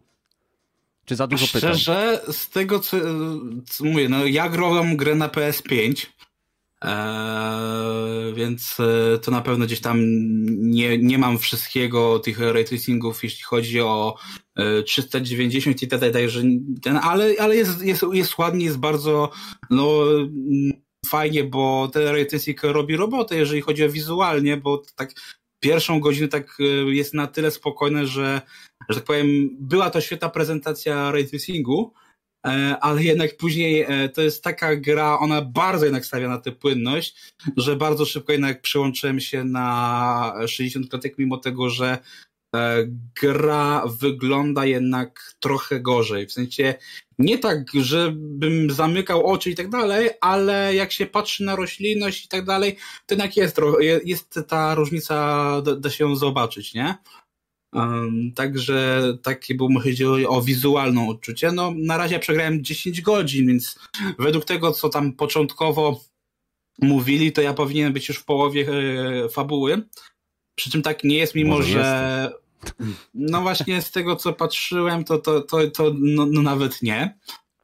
E, że okej, okay, zbliżam się dopiero do połowy, nie? Ale nie, nie, nie jestem jeszcze w połowie, a nie robiłem jeszcze tak bardzo e, sidequestów, bo tak naprawdę dopóki gra e, wyraźnie nie da mi takiego sygnału, że e, zaczekaj na następną misję, możesz sobie zrobić sidequesty, to wszystkie, że tak powiem, zbierałem i odkładałem na później, więc w momencie jak dostałem taką możliwość, to mówię, zrobiłem e, dwa, trzy zadania i, i potem ruszyłem dalej z główną fabułą. E, bardzo mi się jednak podoba ten, ten paru. Jednak czuć, że jest jeszcze bardziej płynniejszy niż w jedynce, bo ja grałem w jedynkę, ale to było w 2016 roku, także trochę już minęło. E, ja mówię, ja się bałem, że walka będzie taka drewniana, bo jakoś nie przypomnę sobie, żebym Dying Lighta wspominał za walkę, tylko właśnie za ten parkour, nie? E, I tutaj widzę to samo, że zależy niejako to od broni. Jeżeli dostaniemy zwykłą drewnianą pałkę, e, to naprawdę na tych pierwszych levelach, chociaż mimo, że te zombiaki je faktycznie widać, że e, w, w dzień możemy po prostu sobie chadzać beztrosko, że tak powiem, po, po mieście, podczas gdy w nocy to już jednak e, można e, już się nadzieć na e, i oczekiwać na walkę jakąś. Więc to, jest, zauważyłem, że jak masz jakąś tam pałkę zwykłą, drewnianą, no to nie dość, że ona szybko ci padnie yy, ten, to jeszcze ona tak ewidentnie nie czujesz tej mocy, ale jak już dostaniesz taki, yy, nie wiem, młot dwuręczny, yy, no to on już jest bardzo fajnie wykorzystany, że już czujesz tę płynność, już czujesz, że zadajesz obrażenia, ale no to, co mi najbardziej sprawia frajdę, no to samo właśnie mm, latanie po tym mieście i szczerze, tak jak, nie wiem, fabuła, no okej, okay, widać te wybory, widać, że ma to jakiś tam nie wiem, czy będzie miał dalekosiężny wpływ, tak, ale na pewno jakiś tam ma, bo e, są takie wybory, które są, że tak powiem, uzasadnione fabularnie, typu, że E, jeżeli masz jedną stronę, no to e, w pewnym momencie miasto ci się dzieje na dwie strony i jeżeli wybierzesz jedną stronę, to na przykład dostaniesz, nie wiem, e, pułapki na samochody, a jak zabierzesz inną stronę, to będziesz miał więcej tyrolek, które ci ułatwią poruszanie się, więc to są takie zmiany, które wpływają faktycznie na gameplay, nie? Mówię, no, no jeszcze dużo nie widziałem, więc też to są takie, mówię, u mnie pierwsze wrażenia, że tak Ale powiem. Ale bawisz się dobrze? Bardzo dobrze, bardzo tego, dobrze. No. Poleciłbyś ten tytuł? Tak, w sensie mm, tak. dla kogoś, kto nie grał w jedynkę. Czy najpierw eee, niech sobie jedynkę zerknie? Wiesz co, nie, dwójka wyraźnie się odcina od jedynki. W sensie masz te nawiązania, ale to jest tak zrobiona gra, że jak nie grałeś w jedynkę, to spokojnie sobie e, poradzisz i też mi się wydaje, że jakbym miał teraz wrócić do jedynki, to chyba faktycznie miałbym z tym problem, że kurde, naprawdę, dwójka y, też na pewno y, klimatycznie. Ja na przykład, mimo że mi się podoba wizualnie e, to, jak wygląda Dying Light 2, to mam trochę, tak trochę taki zgrzyt, trochę dysonans z tego, czym gra ma być, a czym właśnie jest, nie? że to, co na pewno mi się rzuciło w oczy, bo jeszcze też oglądam sobie te, te porównania, jak gra wyglądała 3 lata temu, jak wygląda teraz, e, to ja na przykład uważam, że nie, nie została tak drastycznie obcięta jak Cyberpunk finalnie, który jest zupełnie inną grą. Na pewno fabuła jest taka, że no powiedziałbym, że jest sztampowa, no nie jest jakaś wybitna i szczerze jakoś, mimo że są te wybory, i one faktycznie zmuszają do myślenia, e, to ta główna motywacja, nie wiem, jakoś tak. Mimo, że ja lubię takie osobiste motywacje, to nie, naprawdę jakoś tak nie, nie czuję tego. Fabularnie to naprawdę mówię znowu. Fabuła jest lepsza niż w Dying Light 1, ale nadal mogłoby jej nie być. Nadal to jest takie. Po prostu mówię, ja mam taki, mówię, dla mnie Dying Light 2 to jest taki to bardzo widać, że to jest takie próba zrobienia po polskiego Yubi bo trochę jest tym Asasyna, trochę Far Cry'a, więc dla mnie tak to, tak to wygląda, że i powiem Ci szczerze, że nawet właśnie porównując sobie to z Far Cry'em 6, który, na którego ja mocno czekałem i daje mi też dużo przyjemności, e, to jednak jak gram Far Cry'a, to jednak po kilku godzinach jestem zmęczony, a w Dying Lighta zagrałem wczoraj jednym ciągiem 5 godzin z rzędu i nie mam dość. Mhm. Wiesz, y, mówię, tutaj naprawdę za każdym razem, kiedy widzę, że muszę wyłączyć tę grę, to mam autentyczny ból, nie? Że gameplay jest naprawdę bardzo przyjemny. A samo skakanie e, po mieście, nawet na tych, mówię, najniższych levelach doświadczenia, nie? Gdzie tam, mówię, widać, że jak masz ten pierwszy level, no to jesteś takim chłyskiem, który E, nie ma tej wytrzymałości, więc e, jeszcze to nie jest tak fajne, jak e, powinno być za powiedzmy 2-3 godziny. Ale i tak daje to naprawdę bardzo dużo, dużo frajdy. Tylko mówię, trochę mnie martwi to, że tak jakby właśnie ten rozwój tej postaci jest, jest dość wolny. Że co z tego, że latam dużo po E, tych dachach, e, czy tłucze się z każdym zombie napotkanym, bo na, naprawdę w dzień można sobie e, bardzo się wyuczyć tego systemu walki, bo po prostu zombie się tak stoją, że nie, nie stają do ciebie żadnego zagrożenia, w dzień przynajmniej, bo w nocy to już nie, ale w dzień jest tak, że ten i mówię, ja tłuczę wszystko jak leci, a tych punktów relatywnie wpada mi mało. Więcej znacznie wpada ci w nocy, nie? W nocy jak ją przetrwasz, no to naprawdę tam dostajesz punktów tyle, że jest ten rozwój odczuwalny, ale nadal mam takie właśnie wrażenie, że mm, to mówię, to wszystko jest takie na razie takie fajne podwaliny znowu do rozwoju tej gry przez te 5-10 lat, mówię, ja to widzę, że to jest, mówię, to będzie piaskownica, w której wszędzie, myślę, warto spędzić, spędzić dużo, dużo mniej czasu, nie? Bo po prostu chce się do tego wracać. Jest coś coś takiego, nie? Także jak coś macie pytania, to pytajcie, ja spróbuję konkretnie odpowiedzieć. Jak tam ten movement jest, te poruszanie się tą postacią? Nadal są miejsca, w których, no tak, jest parkour, ale nie możesz tam wejść, czy jednak ten świat jest na tyle duży, że praktycznie możesz wszędzie się dostać, tylko musisz znaleźć odpowiednią drogę? I jak ta droga wygląda? Czy też e, oczojebne, żółte płachty, czy tam czerwone światła, które ci wskazują jedną i tą jedyną drogę? Czy możesz po prostu sobie... Fabularnie po, po, po, tak, fabularnie masz e, żółte linie linie świecą ci się jak jajca psu. Fabularnie a, tak jest. A, a, poruszanie się po tych budynkach, skakanie po tych e, drzewkach i innych takich to, rzeczach? To już jest pełna dowolność i tam wtedy właśnie ja widzę, że są takie momenty, które ja widzę, że mógłbym doskoczyć, ale się nie da. Przynajmniej na razie nie. Widziałem Aha. przykład jeden moment, kiedy to jedynce Kurde. dało się ten, ten, e, nie wiem, linkę potem chyba się dostawało pod, Właśnie, i tutaj też jeśli też ścinęło na dzień na moment, gdzie, kurde, chciałbym tam wejść, nie? I tak szukam, patrzę miejsca, no nie ma jak tam wejść, a wiesz, tam hmm. widzę, że mam zleceniodawcę, nie? Ale tak, przypomniało mi się, że dopiero w połowie gry dostanę linkę z hakiem, to wtedy tam się pewnie będę mógł dostać. E, więc y, czuć, że gra, mimo tego, że daje ci możliwość, otwarty świat praktycznie na dzień dobry cały, to nie wszędzie możesz od razu wejść, bo to właśnie zależy też od tej, tej od odporności, nie? Trzeba właśnie, zauważyłem, że nawet jak się spinasz na jakieś porusztowaniu, nie?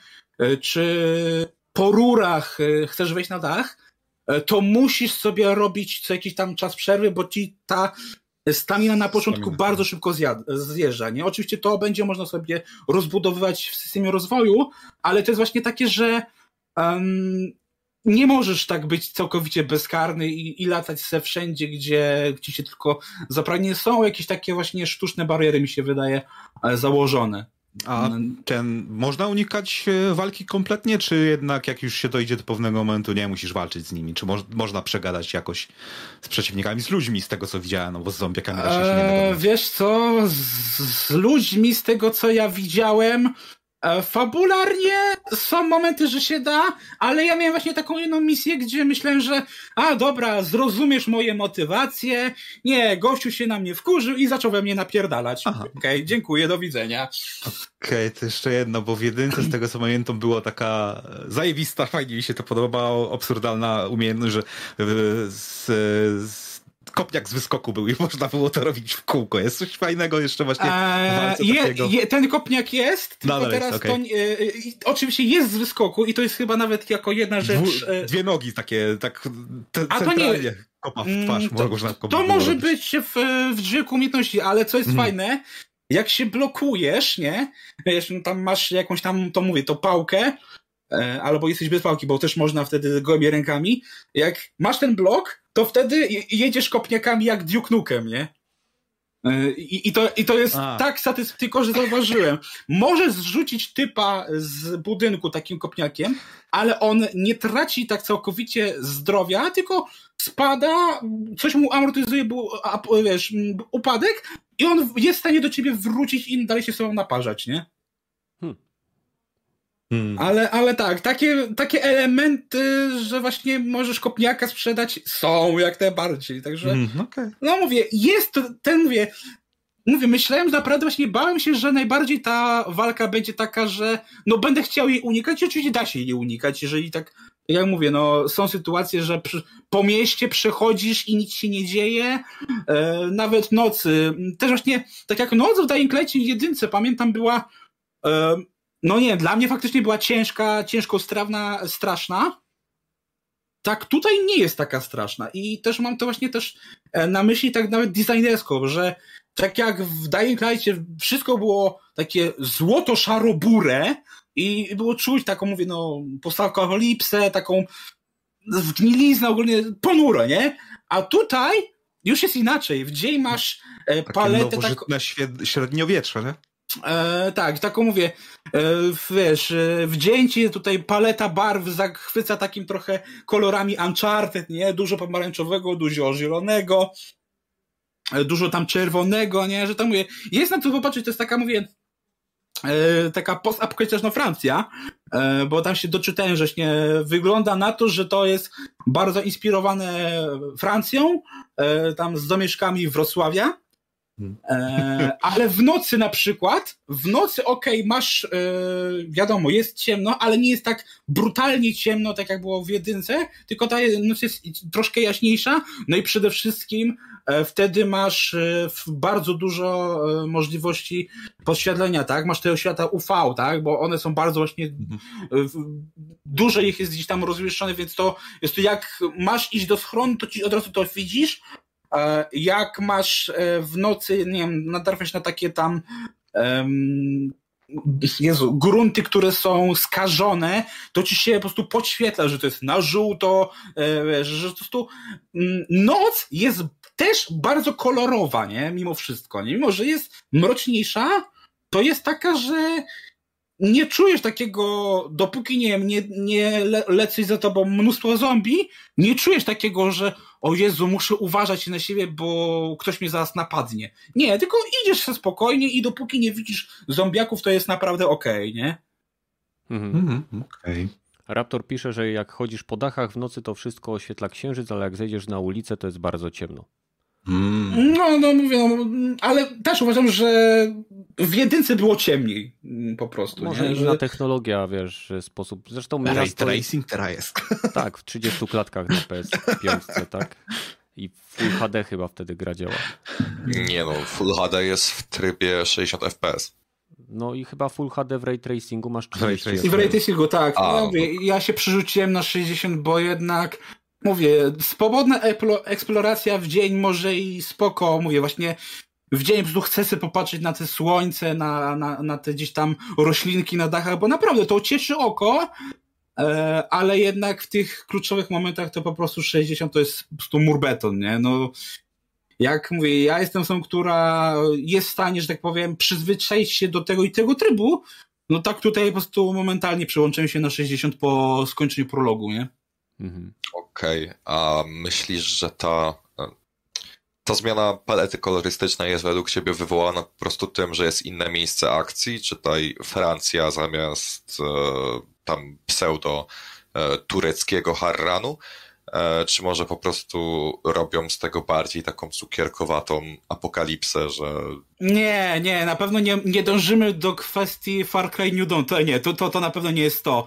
Nie, okay, mi się właśnie wydaje, że to jest e, e, właśnie kwestia zmiany lokalizacji, ale też e, ja bym właśnie powiedział, że ta zmiana lokalizacji, żeby to było bardziej takie przyjazne, to jest właśnie też ta chęć e, level designu, czyli po prostu, żeby gracz nie czuł się aż tak zaszczuty, nie? Tylko, że my wtedy ja mam takie trochę dystans, bo mówię, z jednej strony mamy apokalipsę zombie, zarażonych, cuda nie, niewidnie i ogólnie jest tak, że masz czuć tę powagę sytuacji, no ale trudno ci czuć powagę sytuacji, kiedy na dachu gość sadzi ziemniaki i ogólnie jest świetnie, ładnie, ślicznie, a w nocy jest fioletowo yy, i tak mówię, mi się to podoba, oczywiście, ja jestem tego zwolennikiem, ale no mówię, jeżeli ktoś lubił jedynkę właśnie za ten taki posępny klimat, to tutaj go raczej nie znajdzie aż tak bardzo. Mm. Okej, okej, okej, okej. Cool, cool, cool. Cool, cool, cool, cool. Cool, cool, cool. To idź. To co? Kończymy? E, Prawie, prawie. Kończymy i idziemy grać w Dying Light dwójkę. No, ja mam tylko jedno pytanie do Keleta. E, wierzysz jeszcze, że e, Battlefield 2000 będzie wspierany, czy już tak samo spisałeś na straty, jak to powinniśmy zrobić przy Antemie? Zaraz po informacji, że pracujemy nad lepszą grą. Wiesz Bo rozjebał mnie po prostu ten tweet od ciebie, jak go przeczytałem. A? A, dobra, o to no, chodzi. Wiesz co, tutaj mam wrażenie, że mamy do czynienia z nieco innym jakby potworem, bo y, jakby Battlefield jest jednak y, IP, które, które będzie nie może umrzeć, bo jest za duże, tak? E, nie, nie, Ale nie, czy... że nie może umrzeć. To jest troszeczkę tak jak z Mass Effectem, e, że spierdzielili, nie? Andromeda była do dupy i niby e, umarła marka, tak? Ale no. prawda jest taka, że teraz wydali e, Legendary Edition, czy jak to się tam nazywa, i już jest zapowiedziane, że będzie kolejna część. Więc tak. jeśli oni tutaj e, zrobią, robią to, co próbują, tak? czyli dali Zampele jako e, szefa Battlefielda, jest nowe studio, o którym on już nie może mówić, że ma nad tym pracować, nie obiecuje sobie nic do momentu, aż nie zobaczę, nie mam nadziei żadnych na ten tytuł, A ja mam pytanie w takim układzie. E, to jak ci się podoba fakt, że premiera pierwszego sezonu została przeniesiona jednak na lato, czyli jakieś 8-9 pre- miesięcy po premierze gry? Nie za późno trochę, żeby... Wydaje mi się, że spokojnie ta gra mogłaby mieć premierę e, na lato. 8 też, też no, tak serio. I wtedy, wtedy nie byłoby problemu gragi, wiesz? Nie, no tak, ale wiesz, chodzi, że wiesz, jeżeli teraz mamy bardzo duży spadek zainteresowania tą grą i mamy średnio 7 tysięcy na samym Steamie, nie wiem, na pozostałych platformach może będzie kolejne 7 tysięcy, to czy nie uważasz, że do lata już naprawdę wszyscy będą mieli dość, no bo Ale... do lata poza kosmetycznymi dodatkami dla ludzi, którzy kupili preordery w wersji najdroższych, e, nic do tej gry nie zostanie dodane. Okay. Teraz zadaj mi pytanie, znaczy zadaj mi pytanie, zadam, za, zadam ci pytanie i odpowiedz mi, przepraszam. Mm. Siedzisz przy stole, ktoś przynosi ci, zamówiłeś pizzę, ktoś przynosi ci krowi placek, tak? I widzisz, że to jest gówno, tak? I y, zamiast on ci zabrać ten placek i przynieść pizzę, to on przynosi ci y, orzeszki i posypuje to gówno orzeszkami. Nie ma znaczenia, jeżeli dasz cokolwiek na to gówno, to nadal będzie gówno. Jeżeli Battlefield jest w stanie, w jakim jest, to nie ma znaczenia, ile kontentu tam wrzucisz, to nadal będzie gównianie działało. I no tak, ale wiesz, chodzi, że, że wiesz, nie, raczej na większe zmiany na razie nie ma co liczyć, nie? Że... Nie, powiedzieli, że niby pracują nad zmianami przy specjalistach, yy, powiedzieli, że zmieniają kierunek związany z wyglądem, czy coś takiego tam było powiedziane yy, i nie wiem, co się będzie działo, ale dla mnie osobiście mogliby wziąć ten placek, zabrać do kuchni i przynieść mi pizzę, jak będzie gotowa. A, no, nie, czyli... a nie po to, żeby szybko mi wyrzucić ten y, kolejny talerz z jakimś gównianym y, dziadostwem, tak? Więc nie ma, nie ma dla mnie znaczenia, co oni dodadzą, bo to, to może być sytuacja, nie powiem, że jak w No Man's Sky, ale z zachowaniem jak w No Man's Sky, tak? Że co z tego, że No Man's Sky wyszło i, i zainteresowanie gigantycznie spadło do zera? W momencie, kiedy zaczął się pojawiać dobry content, gracze wrócili do gry. Co z tego, że World War 3, kiedy było w bardzo wczesnych alfa testach czy e, early accessie, e, miało początkowo dobre recenzje, później bardzo szybko straciło populację, aż wycofali grę do, do totalnego przerobienia. Teraz gra wróciła i ludzie do niej wracają. Jeżeli gra będzie dobra, to ludzie do niej wrócą. Nieważne jaki content tam będzie i ile tego contentu tam będzie. Ważne, żeby był dobry, dobry gameplay, żeby były funkcje, które były we wszystkich Battlefieldach i, i dopiero wtedy można e, ewentualnie gadać o dodatkach. Najpierw musi auto jeździć, żebyś mógł dopiero coś nim wozić. Tak, ale chodzi właśnie nawet właśnie na, na kwestię tego, że no mówię, 8-9 miesięcy po premierze, no wygląda na to, że mówię, no jak nie wiem, ci w sierpniu powiedzą, że gra jest naprawiona, gotowa, to czy to nie będzie już za późno? Ale co to... Chociaż oczywiście Battlefield 4 został naprawiony po półtora roku, więc teoretycznie no okej, okay, ale... No ale to też inna sytuacja. Że, wiesz, to też inna sytuacja, bo Battlefield 4 od premiery był dobrą grą, tylko po prostu działał kijowo, tak? Miał mnóstwo błędów e, i kiepską optymalizację.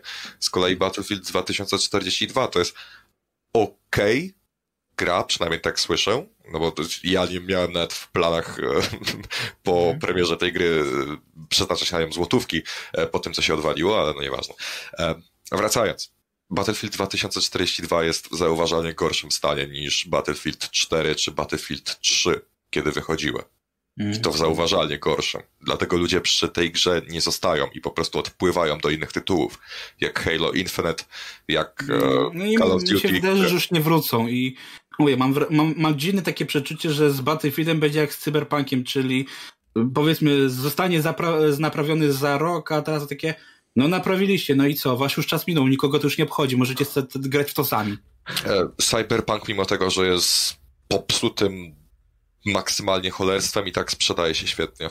W sensie, tutaj nie ma nawet co zaprzeczać, cyferki są jakie są, ta gra po premierze, nawet kiedy każdy nazywał ją głównym i tak była w topce sprzedających się na Steamie, więc no, tutaj. No tak, ale wiesz, teraz ile mi minęło miesięcy od ostatniego jakiegoś patcha, yy, już mówię, jak powiedzmy w 2023 będzie pierwszy dodatek fabularny, to już mówię, nikogo to nie będzie interesować. Mi się Uwierz mi, że mylisz się.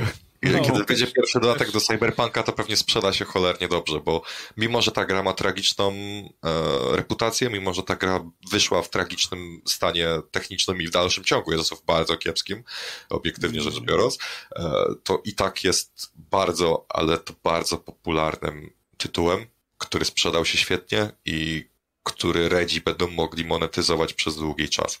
No, a Dying Light, kurde, od premiery chodzi naprawdę ładnie. Póki co miałem tylko jedną sytu dwie sytuacje, gdzie, że tak powiem, widziałem jakieś drobiutkie problemy, bo raz miałem pop-up e, roślinności, a raz miałem taki, gdzie jak było trochę więcej tych zombiaków we mnie nawalało, to gra zgubiła może, nie wiem, z pięć klatek, więc był taki delikatny y, spadek, ale to było wszystko, nie? Więc mówię, na 10 godzin tylko dwie takie sytuacje to jest, to jest nic. O, Kiwaku, nie przejmuj się, jak Battlefield wejdzie na free to play, to będziesz mógł sobie zagrać bez problemu. Ej, nie, no, nie, tylko nie, pytanie, z kim zagrasz wtedy? Ujmę to tak, z Kenetem, a z kim? W sensie nikt inny nie będzie chciał ze mną w to grać. Prawda jest taka, że jeżeli Battlefield by teraz choćby z samym trybem Portal przeszedł na free to play, to miałby taki dopływ y, graczy, że bez problemu gra by utrzymała się przez najbliższych kilka miesięcy. No, niby tak, ale jak za każdym razem jak był wolny weekend w tego Battlefielda najnowszego, to tam nie, wzrast, nie wzrastała jakoś liczba graczy. Jak pierwsze wrażenie było tak złe, że to ta niestety nie wraca. Ale jest ja nawet nie widzę między... w pierwszej setce tej gry e, na, na Steamie. No. Ale Więc... to Steam nie zawsze jest wyznacznikiem popularności tytułu na wszystkich platformach. Okej, okay, ale, ale patrząc na... Okej, okay, dobra, skończ. Ale, sorry, sorry. E, chodzi mi o to tutaj, że czym innym jest wolny weekend, który jest śledzony przez e, fanów e, shooterów i wiesz, a to se przetestuję, nie kupiłem, tak? A czym innym jest wyjście gry we, we free to play. Zobacz, co się stało w momencie, poczekaj, jaka ostatnio gra przeszła na free to play, co jej tak wzrosła popularność teraz? Kurczę, no. Strzelaninka, wyścigowi, nie wiem. Um, strategia? Nie. Kurczę, no nie przypomnę sobie, ale. Fuck it. Nie, nie będę próbował, nie będę marnował waszego czasu na moje, wiesz, trybiki, które gdzieś tam przesypują piasek między sobą.